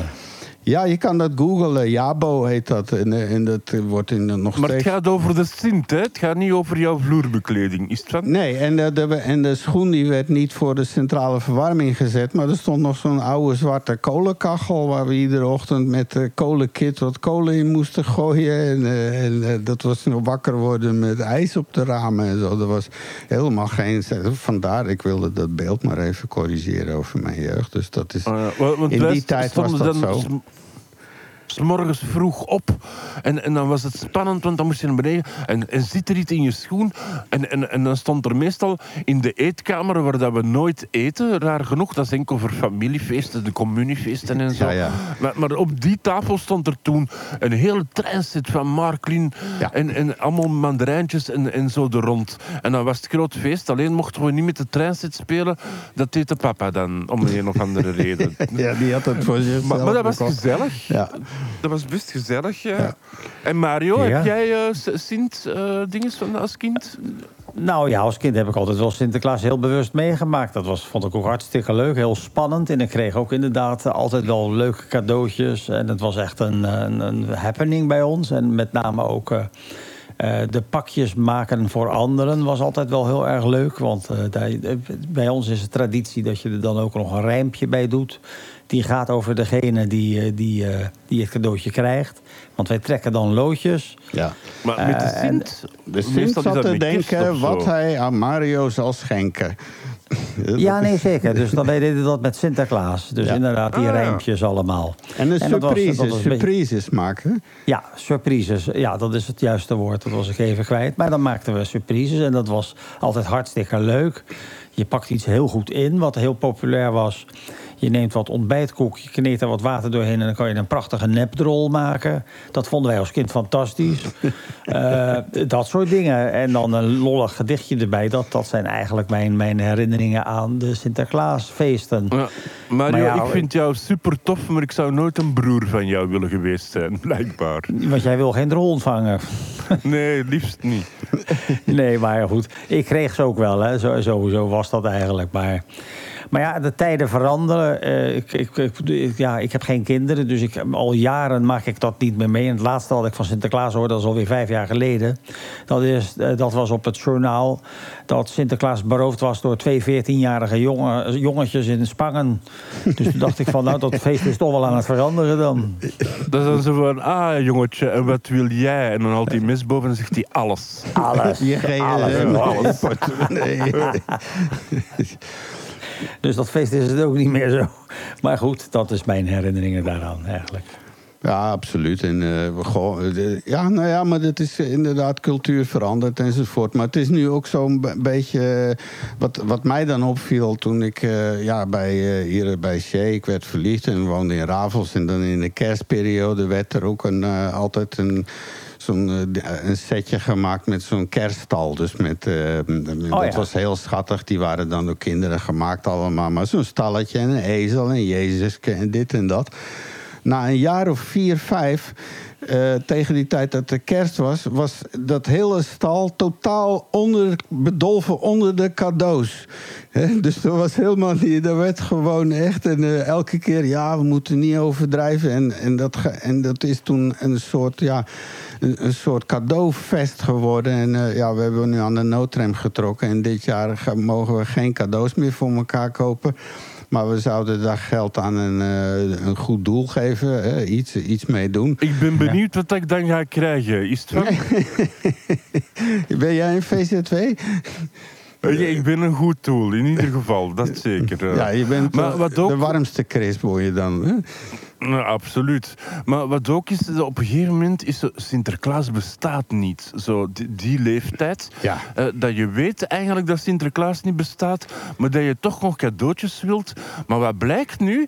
Dat er in, in Nederland althans eh, elk jaar toch wel een, een stuk Sinterklaas wordt gevonden. Ja, en wat je dan gaat doen Ja. is bijvoorbeeld ergens is er een Sinterklaasviering en dan staan al die ukkies buiten aan te schuiven en dan roep je van de overkant van de straat wat jij net zegt. Sinterklaas bestaat niet! dan beginnen ze allemaal te janken en die moeders en zo. Ja, maar blijkbaar Nou, heeft hij wel bestaan, want ze Ja. vinden er de- een vinger en zo, een stukje vinger. Ja, maar dat Ja. leer je dan weer. Oh ja, en, ja laten we het Ja, daar eens nee, over zeker. hebben. Ja, Ja. Laten we het daar eens over hebben. Dat, re- dat reliquie van Sint-Nicolaas. Dat gaat Ja. naar Amsterdam, zo gezegd. Nou nee, dat, vroeger was... Ja, de- we halen twee dingen door elkaar heen. Het was, die vinger is onlangs gevonden. En in 21, dus vorig jaar, was er een stuk rep gevonden, volgens mij. En was het een middenvinger? En een kasselenrip. Die, die, een opgestoken middenvinger. nee, Ja. dat, eh, ja. dat, dat weet ik eigenlijk niet. ja. Maar goed, Dat was zijn laatste daad op deze planeet.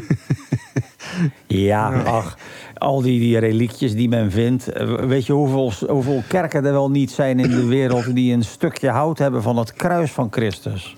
Wel, er is een heel bekende, maar ik ben zijn naam kwijt, filosoof die gezegd heeft: als je alle hout van, van een, dat ze overal ter wereld hebben van het kruis van, van Jezus, dan zou je een dorp kunnen bouwen. Ja, ja. Zoveel Nou, nee. reliekjes Nou, zijn wat, er. wat, ja, wat ze hebben be- berekend is, als je, ze hebben natuurlijk geprobeerd met die kleine stukjes, die hebben ze gescand. En daar hebben ze mee geprobeerd een, eh, het kruis te reconstrueren. Dat is aardig gelukt. En de conclusie is dat eh, Jezus Christus 6 meter hoog was en 8 ton moet hebben gewogen.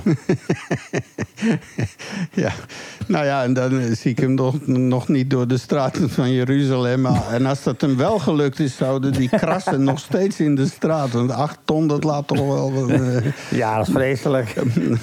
Dat is niet moeilijk dat er dan zoveel keren viel Ja. met dat kruis rond te Ja, dat begrijp ik. nee. Maar, maar zo zie je ook dat we niet alleen lachen met Marokkanen, maar, maar ook gewoon met onze Sint. Hè. Ik bedoel, we lachen met iedereen gewoon. Dus, dus Zo is het. Ja, Zo- zo ja, is ze het. moeten ons niet veroordelen voor een bepaalde politieke partij te zijn, want dat zijn we absoluut niet. Nee, zeker niet. En we zijn zomaar begonnen aan het eh, tweede en laatste uur van deze praattafel op deze dinsdag. En, eh, het gaat vooruit. Het gaat zeker goed vooruit. Dus kijken naar het schema. Hey, is op de seconde af, want we gaan eh, naar ons volgende onderdeeltje. Eh, dan moet ik even de tune vinden, die had ik klaar.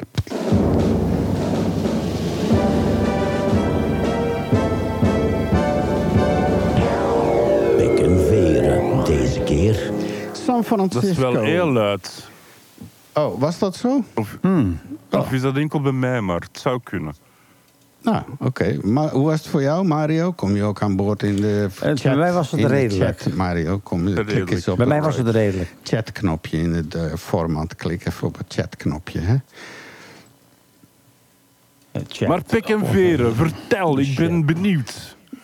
Ah, dus eh, dat wat, ja, jij had die aangedragen. Het is een soort eh déjà vu naar de film Robocop. Als de mensen, eh, als de mensen dat nog kunnen herinneren, die, eh, die gaat dus echt worden. Want sommige van die films die zijn gewoon eerder voorspellend en zo. Die lopen gewoon een beetje op tijd vooruit. Maar eh, San Francisco wil de politie toestemming geven om zogenaamde killer robots te gebruiken. Nu, dat zijn nog geen wandelende mannen met Uzi's, maar in dit geval zou het gaan om zo kleine eh, mobieltjes eh, waar ze dan een springstof op kunnen doen. Want het gaat met name om het, ja, je hoort nu om de haverklap die, die massa schietpartijen en mensen die zich verschansen ergens en zo. En in plaats van daar levende agent op af te sturen, ja, denk ik ook, stuur dan maar zo'n robotje op af met een. eh, maar laten we het daar eens over hebben. Want dit is natuurlijk weer zo'n eh, schuivende norm. Dat begint met zoiets. Maar ja, na een jaar zeggen ze... nou, misschien moet dat ding toch wel kunnen schieten.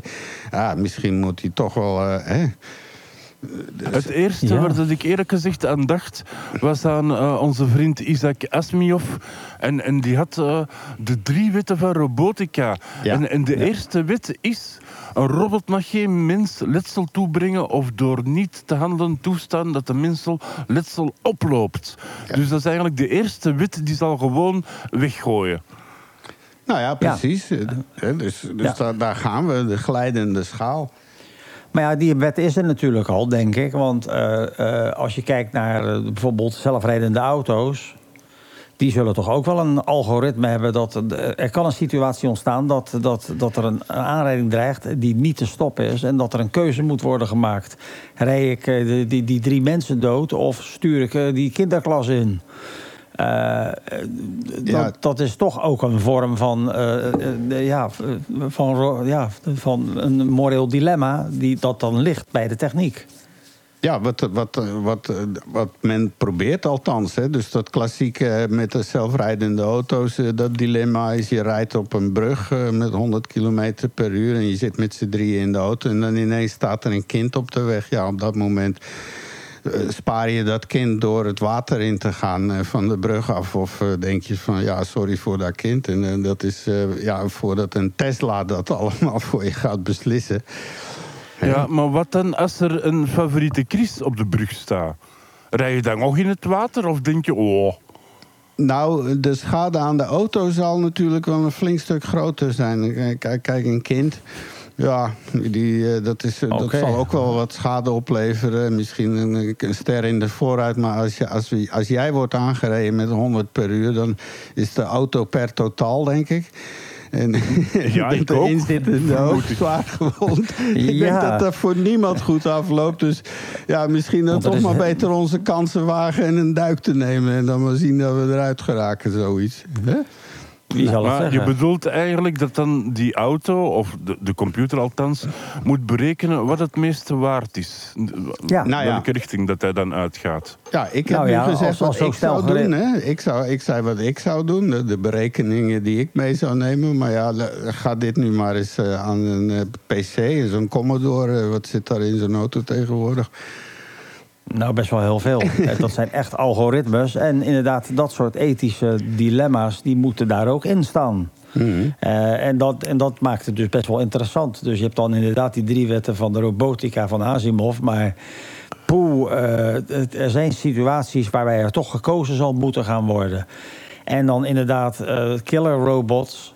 Als ze, niet, als ze dus alleen maar werken als, eh, op afstand met iemand aan de knoppen... Dan, dan kan ik daar nog enigszins aan... eh, daar, dan kan ik er wat mee. Maar op het moment dat ze autonoom worden... ja, dan is het heel griezelig aan het worden. Ja, maar een robot is sowieso al, al te- Allee, dacht ik toch, hè? Nou, nee, maar Nou, je hebt nee. bijvoorbeeld die, Nee. die ze gebruiken om zo bommen uit auto's te halen. Dat is gewoon een op afstand bediende robot met zo'n grijparm Ja. en camera's. En er zit gewoon ergens iemand aan de joystick. En in dit geval zal dat ook. Het, het gaat hier niet om eh, zogenaamde AI-dingen. ik denk dat dat wel. Maar, Ah, ja. maar het gaat wel om dat de bedoeling is van dat ding dat hij dat, eh, dat die de dader of wat dan ook zijn, zijn target is, dat hij die doodt. Het, gaat echt wel om dat ding eh, kan, kan een mens doden. Dus da- daar gaat het wel eh, ineens een stuk verder in. Ja, maar ja, je hebt al slimme bommen, hè, die eigenlijk... dus eigenlijk, het is een beetje het verlengde daarin. Maar de grens wordt wel steeds, het eh, kruipt wel steeds meer op richting autonome robots. Ja. Want ze zijn er al deels. Bijvoorbeeld in, in Libië, in Noord-Afrika... heb je al het gebruik van autonome robots, die killer robots... die grenzen bewaken. Dus die schieten echt op je als je probeert over te steken. Ja, En ja. daar begint het mee. Daar en, begint het eh, natuurlijk mee. Ja, ja, en er was. Oh, jij had die video van. eh, over, nu we het daar toch over Killer hebben. drones. Ja, eh, die, eh, dat kunnen we misschien wel even laten horen. Ja, stond die link in de document. Waar hadden we dat gezet? Eh, Wat mij wel opvalt, hè, zal ik maar even ingrijpen, is dat ze zeggen hier ook, het is, ja, we gaan die gebruiken voor bepaalde extreme gevallen, zoals terrorisme of, of massamoorden. En, dan gaan we dat gebruiken. Maar ik weet dat, ze gebruiken dat dan, of, en, en ze zeggen, ja, dat werkt toch goed. En op den duur gebruiken ze dat ook omdat iemand snoepjes heeft gestolen in de supermarkt. mhm. Ja.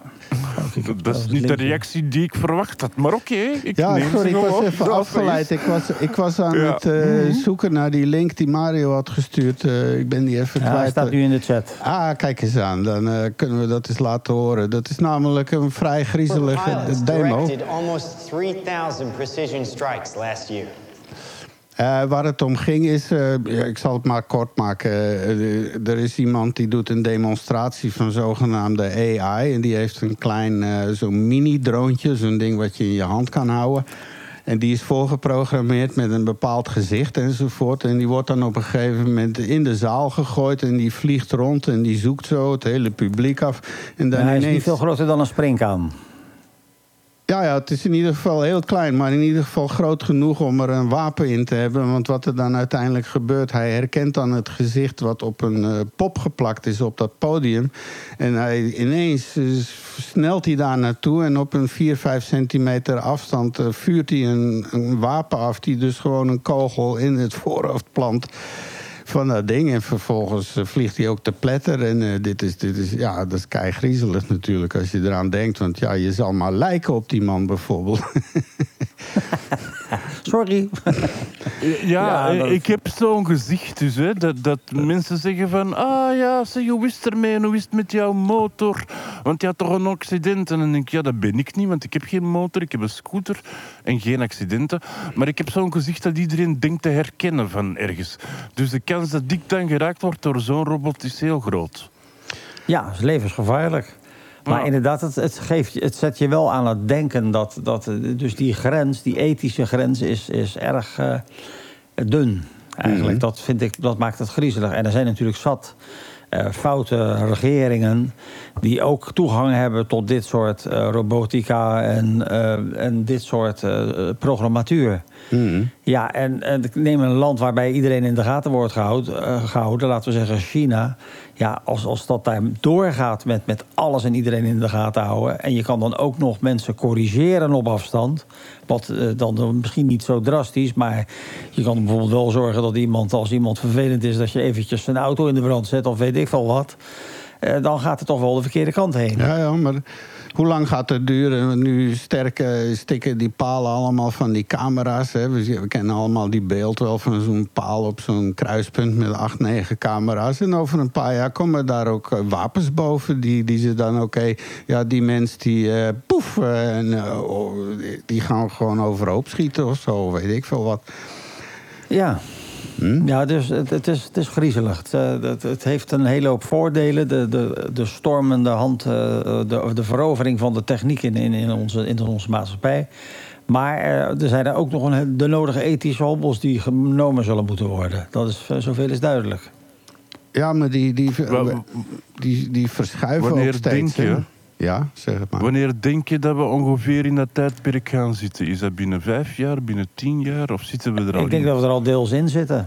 Ja, er was Ah, ja. toch die eerste aanslag in Libië. Daar werd toch een of andere generaal uitgeschakeld door een Turkse AI-drone. Die dus inderdaad was Ja.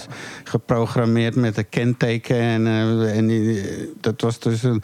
Ja, en dan is er een grens doorgebroken. Eh, Kennelijk hebben ze de technologie. Dit was een demonstratieproject. Eh, Ze moesten natuurlijk iets doen wat ze op CNN en BBC en de Wereldnieuws. Want dat is reclame voor dat bedrijf. Diezelfde avond ging heel dat personeel naar de Chinezen en de bowling, weet je wel. Eh, Ja. Dus zo werkt dat gewoon. En, en ze doen er maar eentje, terwijl ze weten dat het niet kan. En, maar ja, het gaat om wereldnieuws. En Ja. eh, zie maar, de Koreanen en de Chinezen staan er allemaal op de stoep. Oh, we like your technology. we like very much. Nou, als je, nu kijkt, eh, als je nu kijkt naar Libië, wat ik zei, waar ze dus al autonome robots hebben die de grenzen bewaken. Ja. Een, een stap verder is eh, dat je dan ook actieve. eh, neem bijvoorbeeld een tank in, in, in Rusland. Waarom moet er nog iemand in die tank zitten? Het is toch veel makkelijker eh, om dat in, in, in je eigen stoel te kunnen doen, thuis met een joystick. Nou ja, Ja, die maar nieuwe- de Russen zijn zover nog niet. Die gebruiken ook een tomtom in hun jachtvliegtuig om de weg te vinden. Dus zover zijn ze daar nog Nee, niet. nee. ja. Nee. Maar wat Oekraïne wel doet, die hebben ehm, van die drones die, die handgranaten boven eh, eh, Russen Ja. gooien. Ja, er is Ja, zo'n videootje, heb ik gezien. Er ligt zo'n Rus ergens in een loopgraaf. En je ziet hem uit zo'n drone van een meter of 40, 50 hoog. En dan die drone die laat zo'n granaat los. En die zie je dan recht naar beneden vallen. En die Rus die pakt hem op en die smijt hem weg. En dan pom, ontploft dat ding. En die drone blijft hangen. En er laat er nog een vallen. en die wordt ook weggesmeten. Dus die stonden op iets en ze dachten als die slaapt is die opgelost. Ja, dit is ongelooflijk. Nou ja, als je kijkt naar eh, hoe de oorlog begon, eh, die enorme lange rij eh, militaire voertuigen die vanuit Rusland trok richting Kiev. Ik weet niet of je dat nog kon herinneren, Ja, daar begon de oorlog mee. Nou, dat was de, de, de- dat was de eerste succes van drones, want de kop van de slang werd eraf ge- ge- gehakt door een paar IT'ers in Oekraïne die bedachten. Nou, als we gewoon infrarood gebruiken op onze drones, dan kunnen ze ons s'nachts niet zien. En wij kunnen de tanks dan wel zien. We hangen er een granaat onder met 3D geprinte vinnen. Eh, en zo hebben ze de kop van de slang, dus Ja. het eerste stuk van die hebben ze opgeblazen. En die, die hele handel liep vast. En Absoluut. dankzij dus een handjevol IT'ers, slim nadenken en drones. Ja. En over drones gesproken, nu, ik weet niet of je gezien hebt, het Amerikaanse leger heeft net eh, hun nieuwste eh, ultra-extreem geheime bommer voorgesteld. Hè? Oh ja, de, De- de B120 of zo. Wat was het? ja, ik, ben een nummer ook even kwijt. Die ziet er in feite uit als die, die, die ze al hebben. Zo, zo stelt. Ze hebben er alleen die ongeveer hetzelfde. Maar dit ding is eh, onbemand. Dus eh, dit, dit is echt gewoon een, eh, gewoon een heel groot vliegtuig. En die kan ook, ik, ik weet niet, 20 ton eh, aan eh, ordnance. Dus aan 20 ton aan wapens. dat is toch best veel. Hè? Als je de, dat zijn 10 auto's. Ja. En dikke auto's, hè, tien Mercedes of zo. Ja, dat kan, maar het is onbemand, dus eh, het eh, gaat niet meer gevaarlijk zijn. Eh, je, je zet geen pilotenleven meer op het spel enzovoort. En die kan in allerlei omstandigheden vliegen waar mensen dat niet kunnen enzovoort. Dus ja, verder is alles dan- geheim dan- aan dat ding. En dan ben je eigenlijk al richting Terminator, want dan heb je dus autonome wapens. En de, de, de, de tegenstander kan ook autonome wapens hebben. Dan zo heb je dus een, dan krijg je een tijdperk waarbij de ene machine tegen de andere machine aan het vechten is. Eh, Dan gaat het door over wie heeft, de beste ja, dan heeft, wie heeft de beste machines. Daar Ja, dat- is, dat, is, dat is nu toch al zo? Ja, en als je kijkt naar de, de, de laatste demo's van Boston Dynamics... Hè, dat zijn die eh, mannen Ja. die... Die, die hond die kan je nu gewoon kopen trouwens. Hè, die, dat is zo'n Ja. eh, hè, die trip, trip, trip hond en zo. Die, die, dat zijn nu gewoon hebben dingetjes geworden. En die pakezel en die... eh, ja, ja. Ja, maar, maar ze hebben dus een, echt nu soldaten, hè? dus een wandelende ding. Het is gewoon, ziet er een beetje uit als een astronaut. maar, maar die springt en die loopt daar door zo'n parcours. En die, ja, het parcours, daar heb je dat weer. En, eh, en dat is doodeng, want dan krijg je inderdaad die, die, die, die nachtmerries van met duizenden van die dingen. Die dan, als er een oorlog wordt, dan eh, gaan we geen echte soldaten meer sturen natuurlijk. Nee, eh, Nee. die zetten we allemaal. maar dat doen ze nu al met oefenen met al die games. met, wat zijn al die wargames die ze tegenwoordig doen. ja. Wat ook trouwens weer een mega miljoenen industrie is met die wereldkampioenschappen waar miljoenen worden uitgedeeld. Eh, ik, ik weet niet eens hoe dat Ja. allemaal. Dan. Ja. Maar het is inderdaad allemaal moord en doodslag. Call Ik of heb, eh, Duty, Call of Duty, ja. Ja, nou, ik heb onlangs een nieuwe computer eh, met een hele sterke, zware grafische kaart. En als bonus bij het bedrijf waar ik hem gekocht heb, zat er een spel bij. Ik dacht, nou, dat ga ik eens even proberen. Dan kan ik met een benchmark zien hoe mijn grafische kaart presteert. En dat, dat spel dat heet Warhammer en nog iets. Warhammer, weet ik veel. Oh my god. Eh, en eh, dan moet je echt zien om te geloven. Dat is eigenlijk alleen maar moord en doodslag. Je bent alleen maar aan het hakken en aan het schieten. En het, eh, er er zit verder helemaal niks bij. Je, moet heel goed kunnen hakken, schieten, slaan, steken. noem het maar op. Ja, zeker. Eh klaarblijkelijk appelleert dat aan de jeugd. En ja, dan leg je eigenlijk al de, een bodempje voor eh, geweld. Mogelijk. Eh, Ja. de toekomstig geweld. Wie zal en, het zeggen? en dan met denk- name, die, die, zoals die game eh, Call of Duty en zo... dat zijn die morgs, hè, massive multiplayer online real games. Dus dan gaan ze met, Ja. soms met tientallen en honderden tegelijk... Eh, Ja, je speelt eh, in, ja, inderdaad de mensen. de- de- Dus je meet, dat is ook met dat Warhammer. eh, dus je medestanders in die strijd, dat zijn mensen die ergens anders zitten, ook achter de computer. Ja. Eh, en dat zijn dus echt fysieke mensen die, die dus naast je aan het hakken, steken, branden. En, ja, Word je nu een gamer, Mario? Nee. Er is maar eigenlijk maar één spel wat ik heel leuk vind. Dat heb ik nu ook gekocht. Daar ga ik binnenkort aan beginnen. Dat is Portal. Dat ga ik een keer weer spelen. En dat zijn eigenlijk... eh, dat vind ik wel heel leuk. Dat zijn, dat zijn allemaal oefeningen in logica. Dat is echt een puzzelgame. Ah, ja. Ik kan het iedereen aanraden. Het, is nog, het heeft heel veel humor. Het is hartstikke leuk. En, maar je moet wel heel logisch leren denken. Een soort Ja. IQ-test-achtig... eh, Nou, nee, het is gewoon, je moet eh, een hoog eh, probleemoplossend vermogen zien, zien, te, zien te realiseren. Je moet ja. wel nadenken. Het, eh, dus als je, dat spel, een- eh, als je dat spel, als je dat niet trekt... dan ben je dus echt een loser. Nou, dan is er altijd nog eh, de walkthrough. Hè, tegen, dat zit bij al die spelletjes. Hè. Als je er helemaal niet uitkomt, dan is er altijd wel ergens een jongetje... die een YouTube-filmpje heeft gemaakt. Moet je kijken, zo doe ik het. Maar dat is natuurlijk, dan is het niet leuk eigenlijk. Nee, Ja. precies. Hey, alrighty. Eh, dan hebben we dat ook allemaal gehad. Hè. Dus eh pek en veren deze Ja. keer naar eh, die, eh, de eerste Robocops die in San Francisco... en dat was in de film ook. Hè. Dat, dat is grappig dat het allemaal toch een heel erg voorspellend karakter geeft. Het is eh, vijf voor half één. We hebben nog een dik half uur te gaan en we gaan omhoog. U luistert naar een Jacobs los aan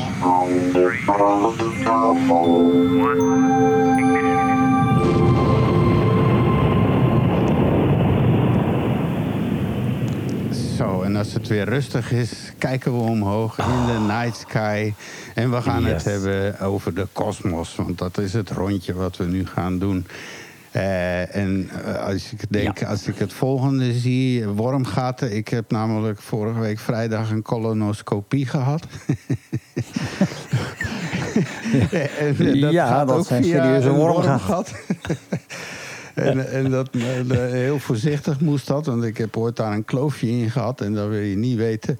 Dus, eh, maar dat, eh, ik, trouwens, ik moet wel even zeggen dat dat binnenkomt, want je wordt hier dan, ik weet niet hoe ze het in Nederland doen, maar je wordt hier wel helemaal genarcotiseerd. Hè? Dus een propofol. Ah.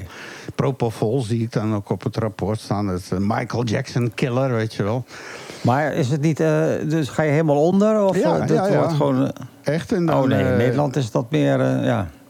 Zeker, het laatste wat ze zeggen van... eh, ja, je hoort dan die, die dame zeggen van... ja, maar het voelt wel aangenaam, zeker. Ja, je gaat zo. En je denkt van, nou, het komt maar niet, komt maar niet. En dan ineens, poef, is... eh, en dan, ja, en dan ineens word je wakker in de ontwakenruimte en zo. En dan komt de dokter langs eh, met de uitslag van alles. Dat is wel fijn dat je meteen, eh, meteen eh, dat je niet weer een afspraak moet waken na zes weken. Dan, ja, we hebben toch iets gevonden wat ons zorgen baart. En, hè?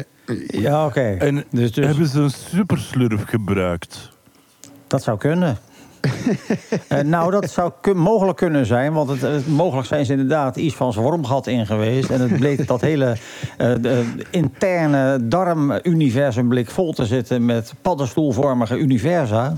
Ja. Eh, die moeten weggesnoeid worden.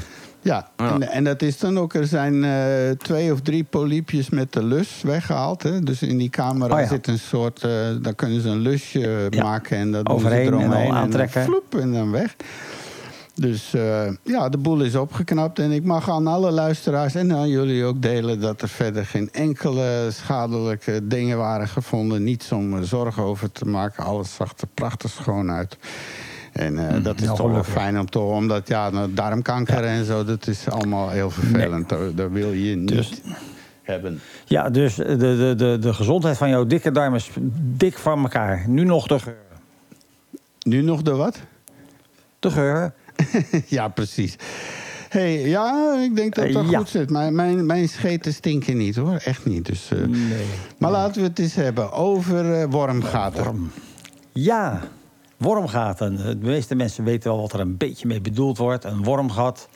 Eh, eigenlijk heet het een Einstein-Rosenbrug in, in, in de wetenschap. Oh, tuurlijk, Maar dat ja. is dus een, dat is een hypothetische mogelijkheid om binnen de ruimtetijd sneller dan het licht te reizen. Dat is het idee. Ja. Eh, het- het is uiteindelijk bedacht door een Amerikaanse theoretisch natuurkundige, John Wheeler, in 1957.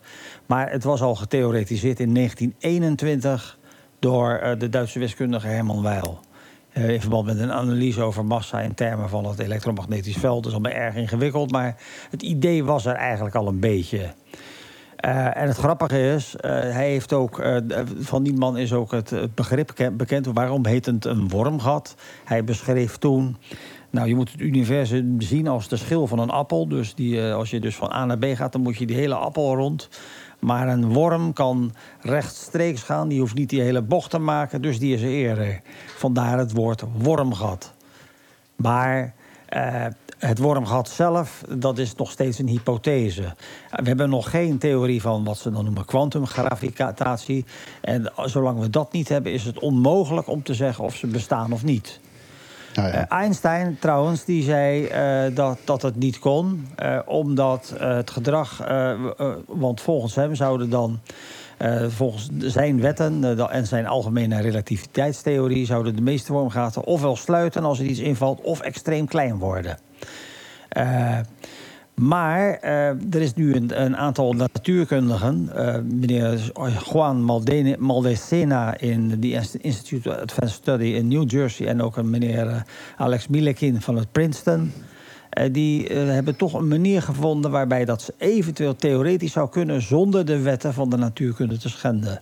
Oh. Nou ja, en, eh, vooral in Princeton University, ik weet niet of jullie dat weten, daar zitten de knapste koppen ter wereld. Ja, ook Die onze die Nederlandse gast, hoe heet die? die oh, Dijkgraaf? Of, ja, die, ja, dat is Robert Dijkgraaf, maar die zit er niet meer. Die is nu in Nederland minister van Wetenschap geworden. oh jee. En hoe doet hij Ja. het? Even tussendoor. Eh, nou, Net best zoals wel goed. Ronald een Plasterk ineens. Eh, Ronald Plasterk, die, dat was ook zo'n Ja, die, ja, dat was, die was op een gege- ja, maar die, die was meer minister van lege dozen. Is, dus die is ook redelijk afgeserveerd. Want die had ook eh, weinig in de melk te brokkelen. Was wel een hele, eh, hele intelligente en sympathieke man. Maar toch niet opgewassen tegen de, de, de Haagse, eh Haagse sores, zal ik maar Nee, zeggen. nee, nee. Oké. Want weinig logica, laat ik het zo zeggen, in, in, in, de, in de politiek vandaag de dag. Nee, nee. Maar hij is dus nu, Robert Dijkgraaf is dus nu inderdaad minister bij ons. Ja. Dus dat is wel interessant. En het gaat ineens Eigenlijk. vooruit met de wetenschap nu? Of?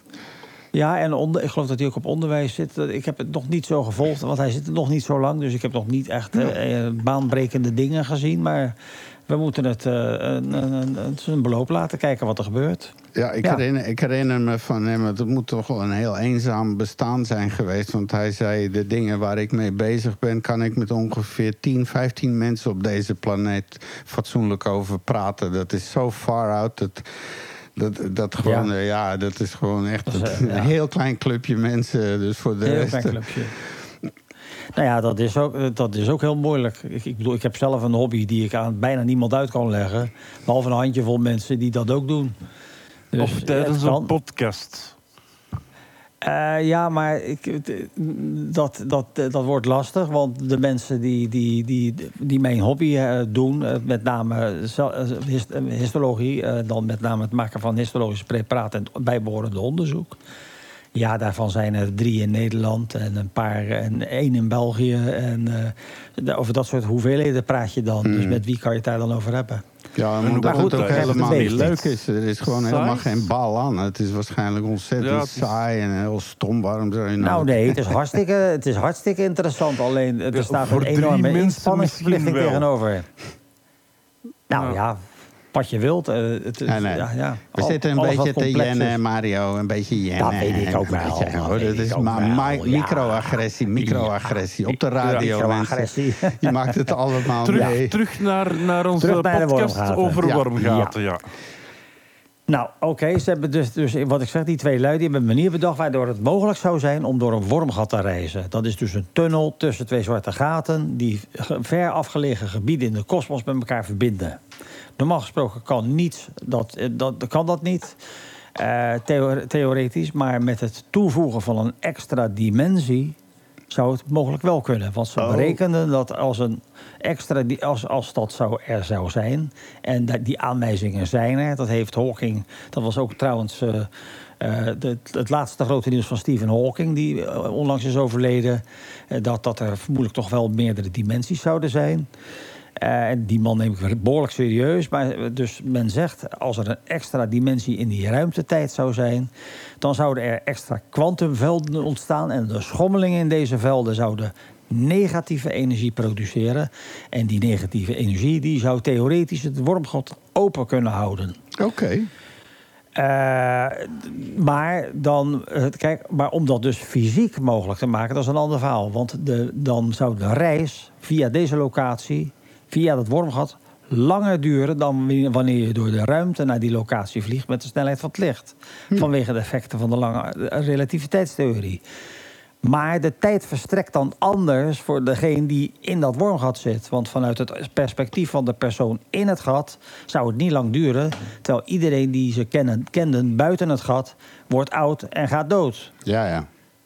De, want de, de, de ruimtetijd wordt enorm gekromd. En het zou ook niet eens zo onaangenaam zijn, want je zou gewoon langzaam versnellen tot extreem hoge snelheden en dan weer vertragen als je eruit komt. Alsof je als het ware in een vrije val zit. Ja, ja. Alsof er een gat in de grond zit en je springt erin en drie seconden later val je aan de andere kant weer uit. Maar nu de catch. Al het andere wat in het wormgat valt, zal het, ook, eh, zal het ook versnellen tot bijna de snelheid van het licht.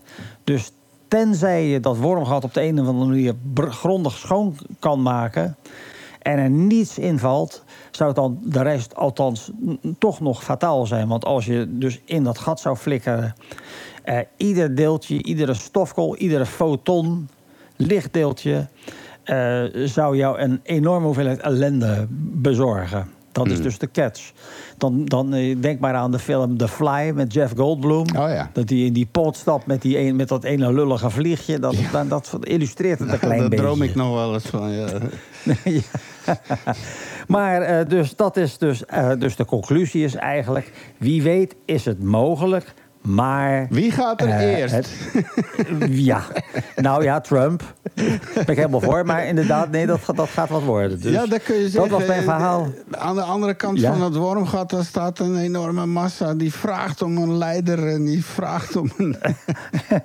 Nou, mijn zegen heeft geen grondwet. Nee. En dan komt hij dus wel het. ineens terug met nog 10.000 clones van hemzelf na een paar jaar.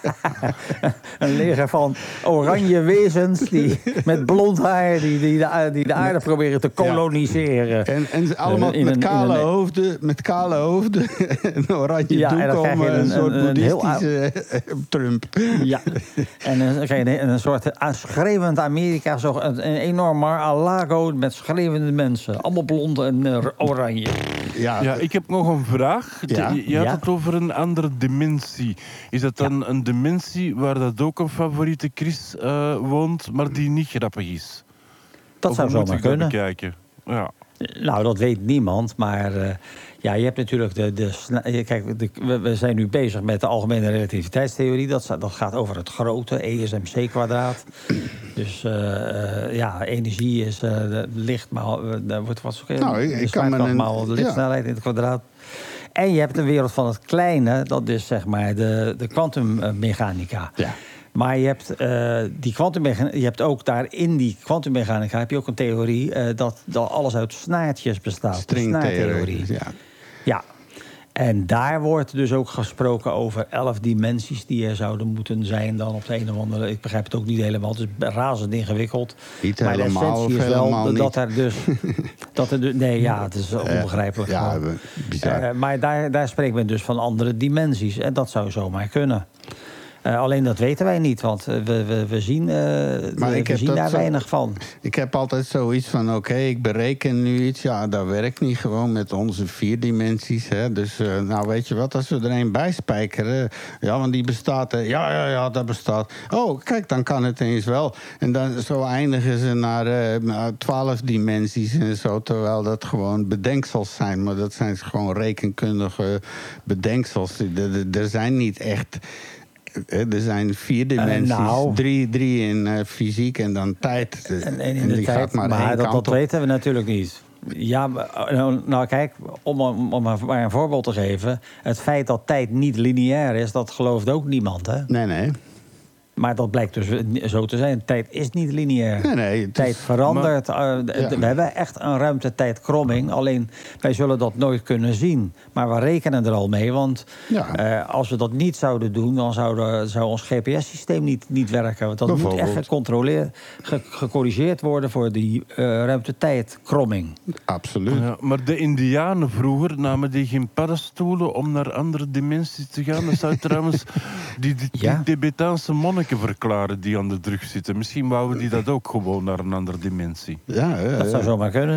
ja, misschien Inderdaad. hebben die wiskundigen, weet jij wat die allemaal eh, roken en Met snuiven en zo. ja. Eh, het lijkt wel allemaal, eh, maar wa- wat gebeurt daar allemaal in die... eh, ik vond het wel heel boeiend eens een keer. Ik had die film gezien over een eh, gast. Die had, eh er was een of andere wiskundige paradox. Een hele beroemde eh, ding is eh, met een naam erop. En die man had besloten om dat toch op te lossen. Iets wat niet opgelost kon worden. Een, een of andere formule. En daar heeft hij elf jaar in zijn eentje over. En het is hem dan uiteindelijk gelukt. Ik zoek Ja. dat de volgende keer wel eens op, wat dat was eh, heel speciaal. Nou ja, er zijn heel veel paradoxen en, en, en, en soms worden er echt stappen gemaakt. Eh, de- dus ja, eh, wie weet zijn er inderdaad wel meerdere dimensies. Ja. Dat, we hebben nog steeds dingen die we niet kunnen verklaren. We hebben het al eerder gehad over die donkere energie en donkere materie. En ook het hele concept zwart gat. Dat is echt of volslagen onduidelijk eigenlijk. We noemen het dan ook, omdat we er niks van begrijpen, noemen we het een singulariteit. Eh, maar dat is, Wat dat zei je nou? Sint, singulariteit? Sint- de singulariteit. 5 december gaan de zwarte gaten open. Ja. Dan worden die pakjes ingegooid. Ja.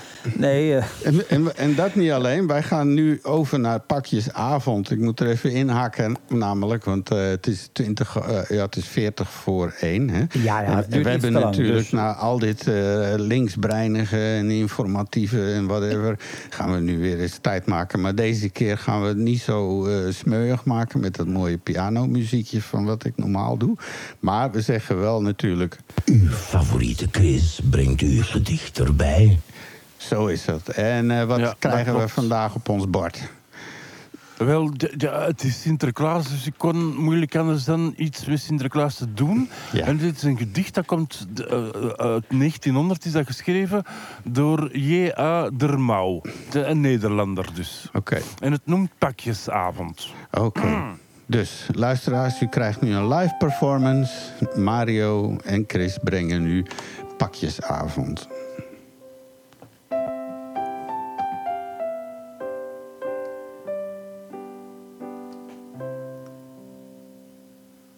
Dan denk ik aan het konijntje dat ik zag als kind voor Sinterklaas achter het glas van de dure speelgoedwinkel. Oh, oh, dat was zo- zo'n prachtig beestje, grijs en wit. Het lag. Gezellig in zijn mandje in het mooie groene gras. En als ik van school kwam, bleef ik iedere dag staan kijken, bang dat het weg zou zijn. En ach, eens was het weg en toen begreep ik pas. Dat ik toch heimelijk steeds was blijven hopen. Dat ik het zou krijgen. Thuis heb ik niet gepraat over het konijntje, want ik wou niet meer lopen. Omdat ik dan huilde aan die kant van de straat. En nu zou zo'n konijntje kunnen lopen, maar ik word zelf al grijs, want alles komt veel te laat. Uw favoriete quiz brengt u gedicht erbij. Geweldig. Ik, Ja. ik vind het echt een radiografisch hoogtepunt van de show altijd. eh, dat het zomaar kan. Hè. zo zie je maar weer. Ja, dat is fijn om het een beetje de andere kant op te sturen. Ja, goh, jongens, waar, waar hebben we het nog niet over gehad nu? eh, er was een beetje ophef was er over. Eh, even Gingen kijken. we het over vrouwen hebben? Ja, Ja, laten we dat luik eens Kijk. open trekken. Even zeggen waar het op staat. Ja. Waar staat het op? Op je papier is het van. Het staat op je papier voor je computer.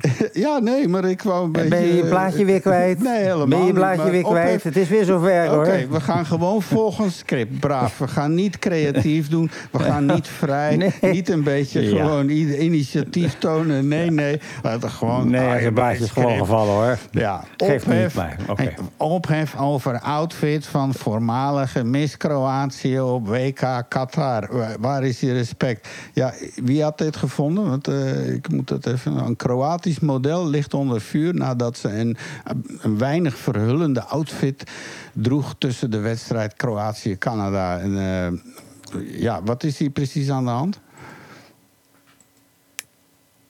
Het is Eh. stil aan de overkant. Ja, nou, dit stond in, dat stond in het nieuws. Eh, ik, ik weet niet wie daarmee kwam. Zita? Ja, ik weet het ook niet. Zita.br. Maar ik ken, het niet. En nou, ik ken het artikel wel. Dat is best wel. eh, als je de foto ook ziet, je ziet een bijzonder eh fraai uitziende dame. Eigenlijk in, in een Bambi-pakje. Het ziet er schattig uit. En eh, alles is goed waarneembaar, zal ik maar zeggen. Oh, ik in het foto. stadion, in, in, een, in een super streng moslimland. Waarbij je een, een paar lokjes al. daar kan je al klappen voor krijgen, bij van wijze van spreken. Dus ja, eh, je hebt dus inderdaad, eh, dat, dat, dat was een hoop ophef. Want ja, aan de ene kant is het zo, ik vind het, eh, je moet je een beetje aanpassen aan de normen en waarden in zo'n land. Maar aan de Oh andere God, kant ja, is, het ook, is het ook natuurlijk wel erg antiek om, om nog steeds daarover te blijven vallen. Eh, in, in die islam. Maar goed, dat, dat- het is zoals het is. Maar inderdaad, wat ik daar zie, dat is, eh, dat, zou, dat is misschien in Californië of zo zou dat nog wel gaan. Of ik veel, maar omdat Zelfs in- niet in Disney World is het van, daar willen ze het ook niet zoiets. Oh, maar dit, nee, Nee, maar, maar- nee, maar daar was iets anders aan de hand. Hè? Dat is een ander geval nu. Ja, dat is Ja, maar ik wou maar een voorbeeld geven, omdat je zei, Californië kan dit wel, maar niet overal. Oh, Oké, ik zie het, ja. Eh, nou, het kan ook niet in Californië, want, want daar is dus ook inderdaad wat anders. Dat is weer een ander artikeltje. Daar zie je dus een dame die een, een, ook een, een grappig kostuumpje aan heeft. Waarbij de blote benen en de armen eh, goed te zien zijn en dergelijke. Maar het is juist weer een dame waarvan je zou verwachten... daar moet echt een ruim vallende kleding omheen. Want dat ziet er totaal niet uit. Sterker nog, eh, Nee, het is, Ja, het is moet je dit willen? Maar, maar goed, ieder heeft recht op zijn eigen slechte smaak tenslotte. Maar, maar dit is Nou, inderdaad... nou. Nou, laat ik het zo O zeggen. Als, als, in, als, het, als het zonnetje weer schijnt en hele dikke vrouwen gaan weer in de legging, dan heb ik daar toch wel moeite mee. Ja, nou ja, maar dat is, dat is het. Dat moet, dan moet je daar eh, de andere. Maar ja, word je dan een soort. Maar moeten we hier dan eh, die Iraanse politie, die smaakpolitie die daar nu is opgeheven, moeten we die dan hier aan het werk zetten? Nou ja, mogelijkerwijs moet je dan zeggen van... nou ja, oké, die hele dikke, wanstaltig dikke mensen... zo moet ik het zeggen, wanstaltig dikke mensen... in nietsvullende kleding... die moet je niet laten zien omstreeks etenstijd op tv. nee, ja, dat zijn die afschuwelijke shows op zo. eh, hoe heet dat? TLC, The Learning Channel was dat Oh, ooit ja, die. Met My 600 pound eh, patients en zo, My 600 pound life. En ja, maar hier begin je dat toch ook nu meer en meer en meer eh, een beetje te zien. Hè? Dat echt extreem corpulent allemaal. Ja, ik- je vraagt je af waarom, eh, waarom zijn er zoveel van dat soort programma's? Want ik zie dat ook in de, de tv-gids staan, met My 600 Pound Life en zo. De enige psychologische verklaring die ik heb, is, is dat als mensen op de bank zitten en ze zijn een beetje te dik, dat ze dan zeggen, denken bij zichzelf: Oh, zie je wel, het kan nog veel erger, dus ik kan nog wel een gebakje nemen. Ja, Ja, en langs de andere dat kant, idee. de 0,5 pound live, die, die krijg je niet in beeld, die zijn te klein. Ja, de, ja, de anorexia en zo, dat is absoluut zo. Ook dat is niet goed. Dus ja, het is een ingewikkelde wereld. ja maar het is Maar waar hebben we het nu eigenlijk over? Eh, ehm, de, de een is dan helemaal niet dik en heel mooi, maar die is heel schaars gekleed. En, en dat zou allee, in, in Qatar in ieder geval toch niet mogen. Ehm, ik heb daar een andere gedachte over, maar wat. Maar als ze dan boven een bepaalde gewichtscategorie zitten, zou het dus niet kunnen. De- ik denk Ja. dat die vrouwen ook graag eh, met een bikini rondlopen Ja, en, en een minirokje. En, Ja, daar mag je ook niet over oordelen eh, wat ze doen. Je kan ook ik zeggen, net zoals ik vind, eh, ik vind bloemkool niet lekker. eh, ja, ik, ik vind eh, dat, dat beaamt mij niet. Maar je, je kan nooit zeggen dat is lelijk. Je kan ook uit zeggen, ik vind dat, niet zo mooi. Ja, maar- want er zal wel een andere dimensie zijn waar dat dan zo een, een redelijk eh, volle pleuze vrouw zit. Een podcast te maken die zegt ja, mannen uit Rotterdam boven de 70 mogen niet meer in, in een zwembroek rondlopen in het zwembad bijvoorbeeld. Want dat is niet aan te zien. Zeker niet tegen de etenstijd. En etenstijd is daar heel de dag. Oké, oké. Eh, Ik ik, voel ik daar denk dat dat ook wel bestaat. Ik, ik voel daar toch wel een. Nee, oké, dat kan. Dat kan. Maar ik heb het dus ook over wanstaltig dik. Hè? Over, en dan praat je toch. eh, ja. eh, eh, ja, kijk, het heeft sowieso de nodige nadelen. Ik ben natuurlijk ook een beetje bevoordeeld. Want ik heb wel eens elf uur in een vliegtuig gezet- gezeten. in een stoeltje met zo iemand naast mij. Dat heeft mijn, mijn brein eh, permanent beschadigd, volgens mij. dat weten we. begrijp wat ik Ja, ja, ja. Dus nu weten we de oorzaak. Ja, oké. Dat is een beetje de oorzaak. En vanaf dat moment dacht ik echt van... nou ja, dat moet dat wel kunnen. En het is ook een beetje zo... Het, eh, de- ja, ik vind het eigenlijk een beetje shame on you... dat je je zo laat gaan eigenlijk. Dat je gewoon... eh, eh, en dat hoeft vandaag de dag niet. Er is zat mogelijkheden om je, om, om je een beetje gezond te kunnen gedragen. Maar mensen die zich volledig laten gaan en denken... nou, mij komt de zondvloed... Daar heb ik- heb ik toch een beetje moeite mee. Hmm. Nou ja, maar dat is nu, nu dat ultieme hedonisme wat er tegenwoordig is. Van, eh, het gaat alleen maar om nu en morgen interesseert me geen ene bal. Hoewel het Ja. misschien een beetje aan het veranderen is als ik zo nu jonge ouders zie. eh, er is nu toch wel een soort wake-up call geweest nu met deze hele eh, Poetin-toestand. Ja, we, we nemen niets meer voor vanzelfsprekend aan inmiddels. onze welvaart en onze energie en onze, ons comfort, dat is een dun laagje. Ja, juist andersom. We nemen de jeugd die neemt alles vanzelfsprekend. Hè. Is- dat noemen ze entitlement. Dus die denken al van oké, ik hoef niet er per op. se te werken. Ik hoef niet per se dit. Ik hoef niet. Ik kan ook gewoon kiezen voor gelukkig zijn en zo, weet je wel. En ja, die, die, die- dat is een heel andere moraal als, ja, denk ik maar, dat, eh, dat wij mee Ja. opgegroeid zijn. Hè. Dat is, Nou ja, vroeger als, als je iets wilde, dan eh, je wilde een brommetje of weet ik veel wat, dan, dan, dan ging je eh, eh, vakantiewerk doen en dan ging je sparen. Je ging sparen, maar tegenwoordig als de jeugd een telefoontje wil, dan nemen ze een lening. En er zijn allerlei bedrijven die dat geen enkel probleem vinden tegen krankzinnige percentages en zo. En zo zijn er heel wat eh, jongeren die gewoon zo de, de armoede in sukkelen omdat ze daar met een schuld zitten waar ze nooit meer overheen komen. Nee, nee. Ja, nou ja, maar dat, dat is. eh, schuld, dat is ook geen eh, een concept waar ze niet eh, mee om kunnen. Want om trouwens ook in het onderwijs, eh, ze krijgen helemaal niks mee over economie en eh, over eh, gewoon een huiskas. Eh, hoe dat werkt met eh, hoe, hoe doe ik een bankoverschrijving doen. En, en, eh, dus gewoon het leren Ja. omgaan met maandelijkse dingen, rekeningen betalen en een beetje omgaan met je. Nou, niks ook niet. Dat wordt allemaal geacht, denk ik, om door de ouders. Nou ja, de ene ouder doet het zo, de andere zo. Maar ja. En, en dan blijkt dat ze toch redelijk hulpeloos zijn op, op de wereld. En vooral als ze met de overheden in aanraking komen. En dan met verhuizingen. En oh my god, en moet ik dit allemaal? En dan, hallo, ja, maar zo werkt de wereld. Nou, dat vind Nou ik ja, helemaal niks. zeggen Nee, maar inderdaad, ik, ik zie het ook bij bijvoorbeeld. Ik heb een neefje, die, die, is, ja, die is nu al eh, een stuk ouder. Maar vroeger, toen het nog een jongeling was. De schok was groot toen hij voor het eerst op zichzelf ging wonen. en zag wat daadwerkelijk dingen kosten. Eh, en zo gaat het natuurlijk vaak. Want de ouders die, die pamperen vaak hun kind. En eh, de- dat, eh, dat, ja, dat gaat mee. En tegenwoordig als, als jongere... Nou, je moet op zijn minst op een voetbalclub zitten. Je moet allerlei cursussen... jongeren van vandaag de dag hebben echt een agenda. Ja, en ook bijleren. Eh, en- ik, ik hoor al die reclames voor eh, extra eh, wiskundeles. En je kind Ja. krijgt een voorsprong bij die en die instelling en zo. En oh, oh, oh. Ja, Ja, ja. maar ja, dat is is, zoals het is. Dat, en dat is die race ook. Hè. Er, er is geen, alle kinderen zijn winnaars tegenwoordig enzovoort. En, en ze zijn natuurlijk ook allemaal, volgens de ouders dan, volledig hoogbegaafd. Allemaal. Je wordt er helemaal doodziek van. Er is, er is geen enkel sukkel meer bij. Het zijn allemaal geniale kinderen geworden. Ja, ja, ja. Zo gauw ze, zo gauw ze kunnen lezen en eh, dingen zijn... Oh, dat is teken van hoogbegaafdheid.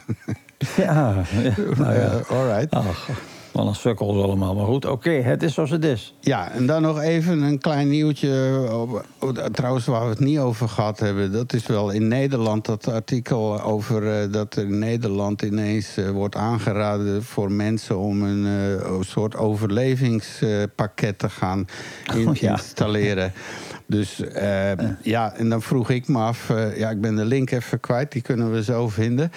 Maar ehm, wat weet de Nederlandse regering dat wij allemaal niet weten? En, eh, en onder andere jullie Nederlandse burgers, staatsburgers.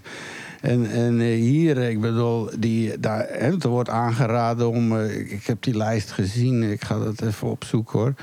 Dat was best heel Nou eng. ja. Dat was best heel Nou eng, ja. want je moet eh, zaklamp en wisselgeld... en eh, zie dat je wat juwelen hebt enzovoort. Echt gewoon voor, eh, te- klaar voor de Wat totale... zou jij in je pakket steken? Is het van zoiets waar dat je niet zonder kan?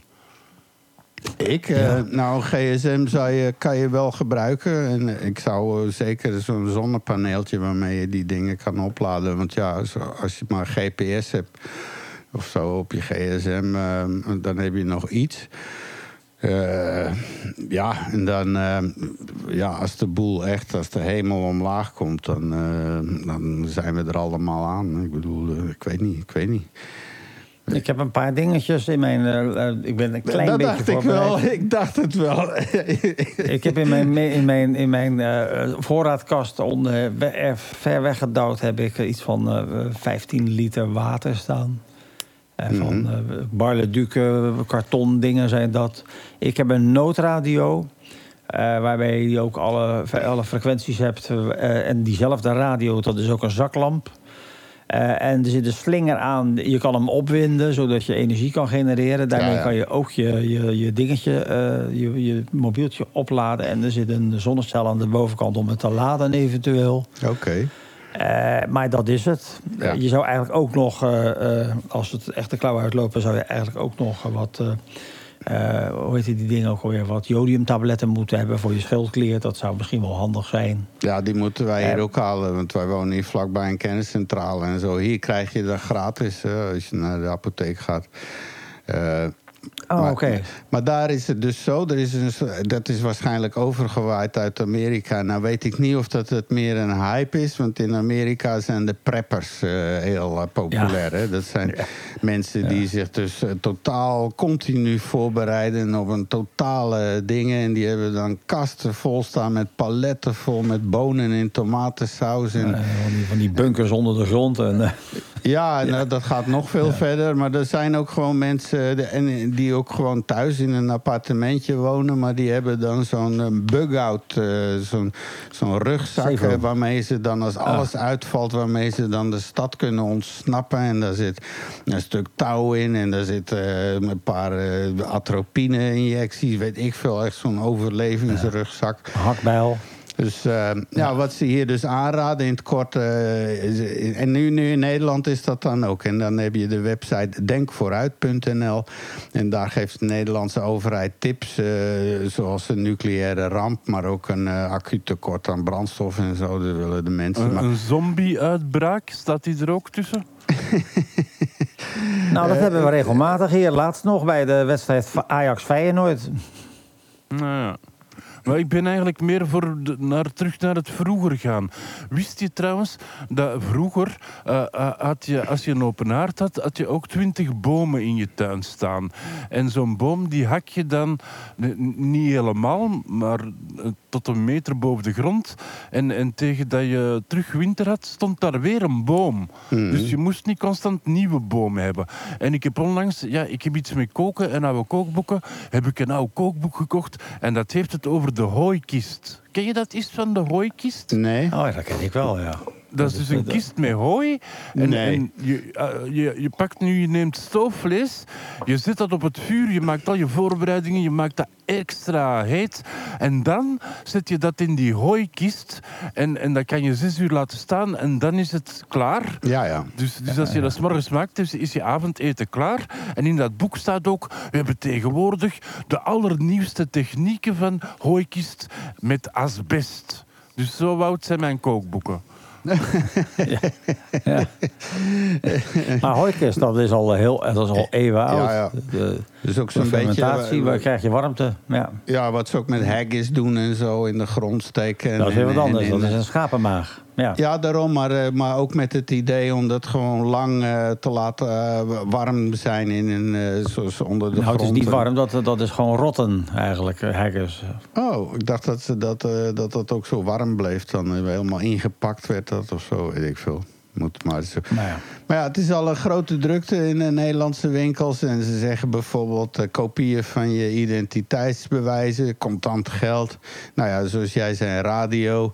En dan een, eh, een Leatherman, die zou ik altijd meenemen. Dat is mijn, eh, Ja. dat schiet me dan nu te binnen. Dat is mijn trouwste dienaar op dat vlak. Ja, Ben ik dan de enigste die zegt een shotgun? Ja, wapens hebben ze niet over. Maar wat ik hier ook mis is eh, toiletpapier.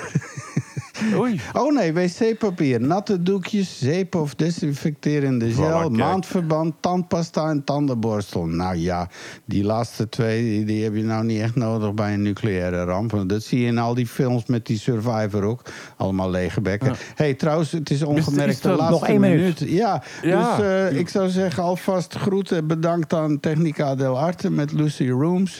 Eh, bedankt aan iedereen die ons eh, helpt met de show enzovoort. En stuur ons links. Kijk op praattafel.be.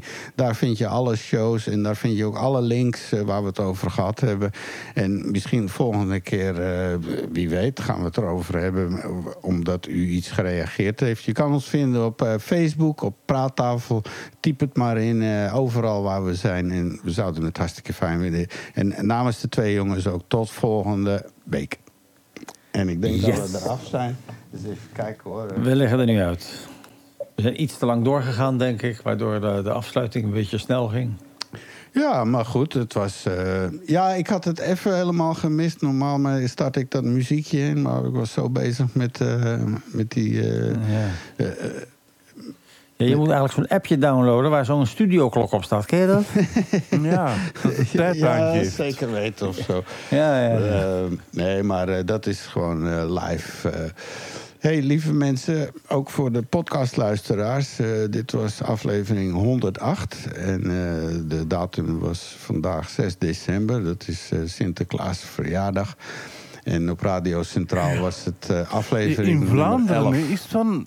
In, in, in, in Nederland is dat de vijfde, dat was gisteren. Hè? Mhm. Dus, want jij hebt het altijd over het Nederlands-Vlaamse verschil. En wel, dat is zo één. Ze vieren dat dus in Nederland op de vijfde en, en in Vlaanderen op de zesde. Mhm. ja. ja. Dus je moet eigenlijk als kind forensen. Of aan de grens wonen van Nederland en Vlaanderen. Eh, ja. Dan heb je twee keer.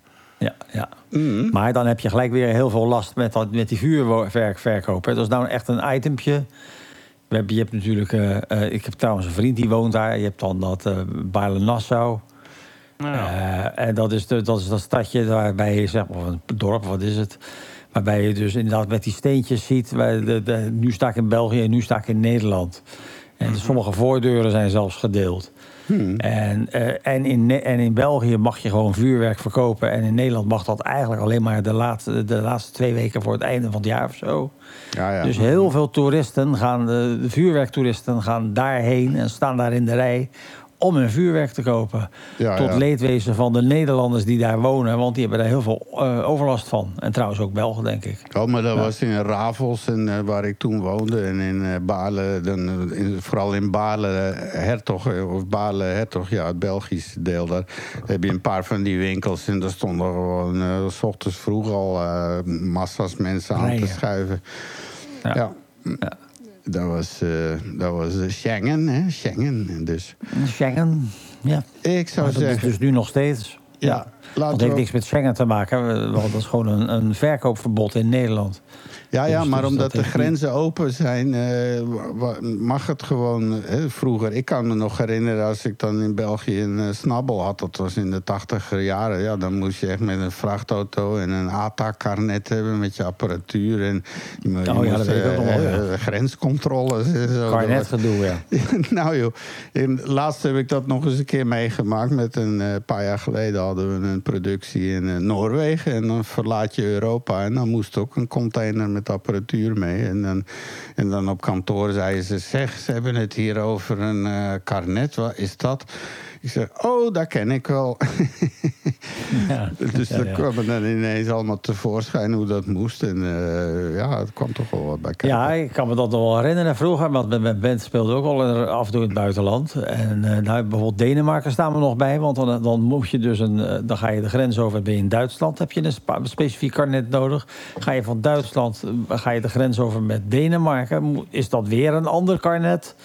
Eh, dat was, en, daar, en in zo'n ding moet alles, alles staan. Ieder versterkertje en ieder alles. Ja, het Heel idee was dat je niet stiekem eh, b- luidsprekers importeert naar België en dan hier achterlaat. En dan, het was echt de bedoeling van nou, alles wat je mee het land binnenbrengt, moet er ook weer uit. En dat was in Noorwegen ook hetzelfde. Want eh, Ja, en eh, dat moest dan via een transportbedrijf. Wij deden dat niet zelf, maar eh, die, die regelen Ja, dat dan. Een ja. vriendin van mij is daarin gespecialiseerd. Oké. Die gaat ook eh, de 18e examens daarvoor doen en zo. Voor nog een extra. Dus voor eh, productiehuizen die naar het buitenland gaan, al het materiaal, verzekeringen en, en, en invoerstoestanden. En, en je, moet het dan, je mag het dan allemaal meenemen, maar je moet het ook allemaal terug meebrengen. Ja, absoluut. Dus Ja, dat dat is het het idee. hele principe. Dat je, je geen handel, eh, je voert geen import-export. En Want, heb je veel losse rotzooi, dan is het, is het heel veel werk. Want ik kende ook een, eh, twee dames die hadden een jaar of drie, vier geleden een agency opgericht. En die met name Engelse bands naar Europa haalden. En andersom ook eh, Europese bands in. En toen kwam de brexit. En toen ineens werd Ja. het voor die bandjes allemaal ontzettende nachtmerries. Want ja, met die, eh, inderdaad, zoals je zegt, je kan wel naar Nederland gaan, maar dan ga je naar België. Dan moet je inderdaad een transitkarnet hebben, enzovoort, enzovoort. Dat is te belachelijk voor Ja, woorden. gedoe. Dus ja, ineens is heel die business gekild. En eh, ja, die doet nou gewoon iets heel anders. Dat, eh, dat, dat, dat is gewoon eh, helemaal gestopt. Dus, eh, Zeg, ehm, trouwens, we hebben het gisteren tijdens de redactievergadering niet over die promo gehad nee. die ik geschreven heb. Oké, we Ehm, gaan nu de, podcast even afsluiten. Ik zou zeggen, die, Ja. want die loopt nog. Ik zou zeggen, nou, bedankt voor het luisteren allemaal. Ja. En, en eh, namens En mij... sorry dat ik te laat was. De- de drie Het minuten. is je vergeven. Je hebt dat goed gemaakt door je, hè, door je aanwezigheid. eh, hè. All right. Mensen, tot de volgende in eh, gezondheid en welbehoud. U was wederom welkom aan deze aflevering van de Praattafel. Kijk op praattafel.be voor de show notes. Tot de volgende.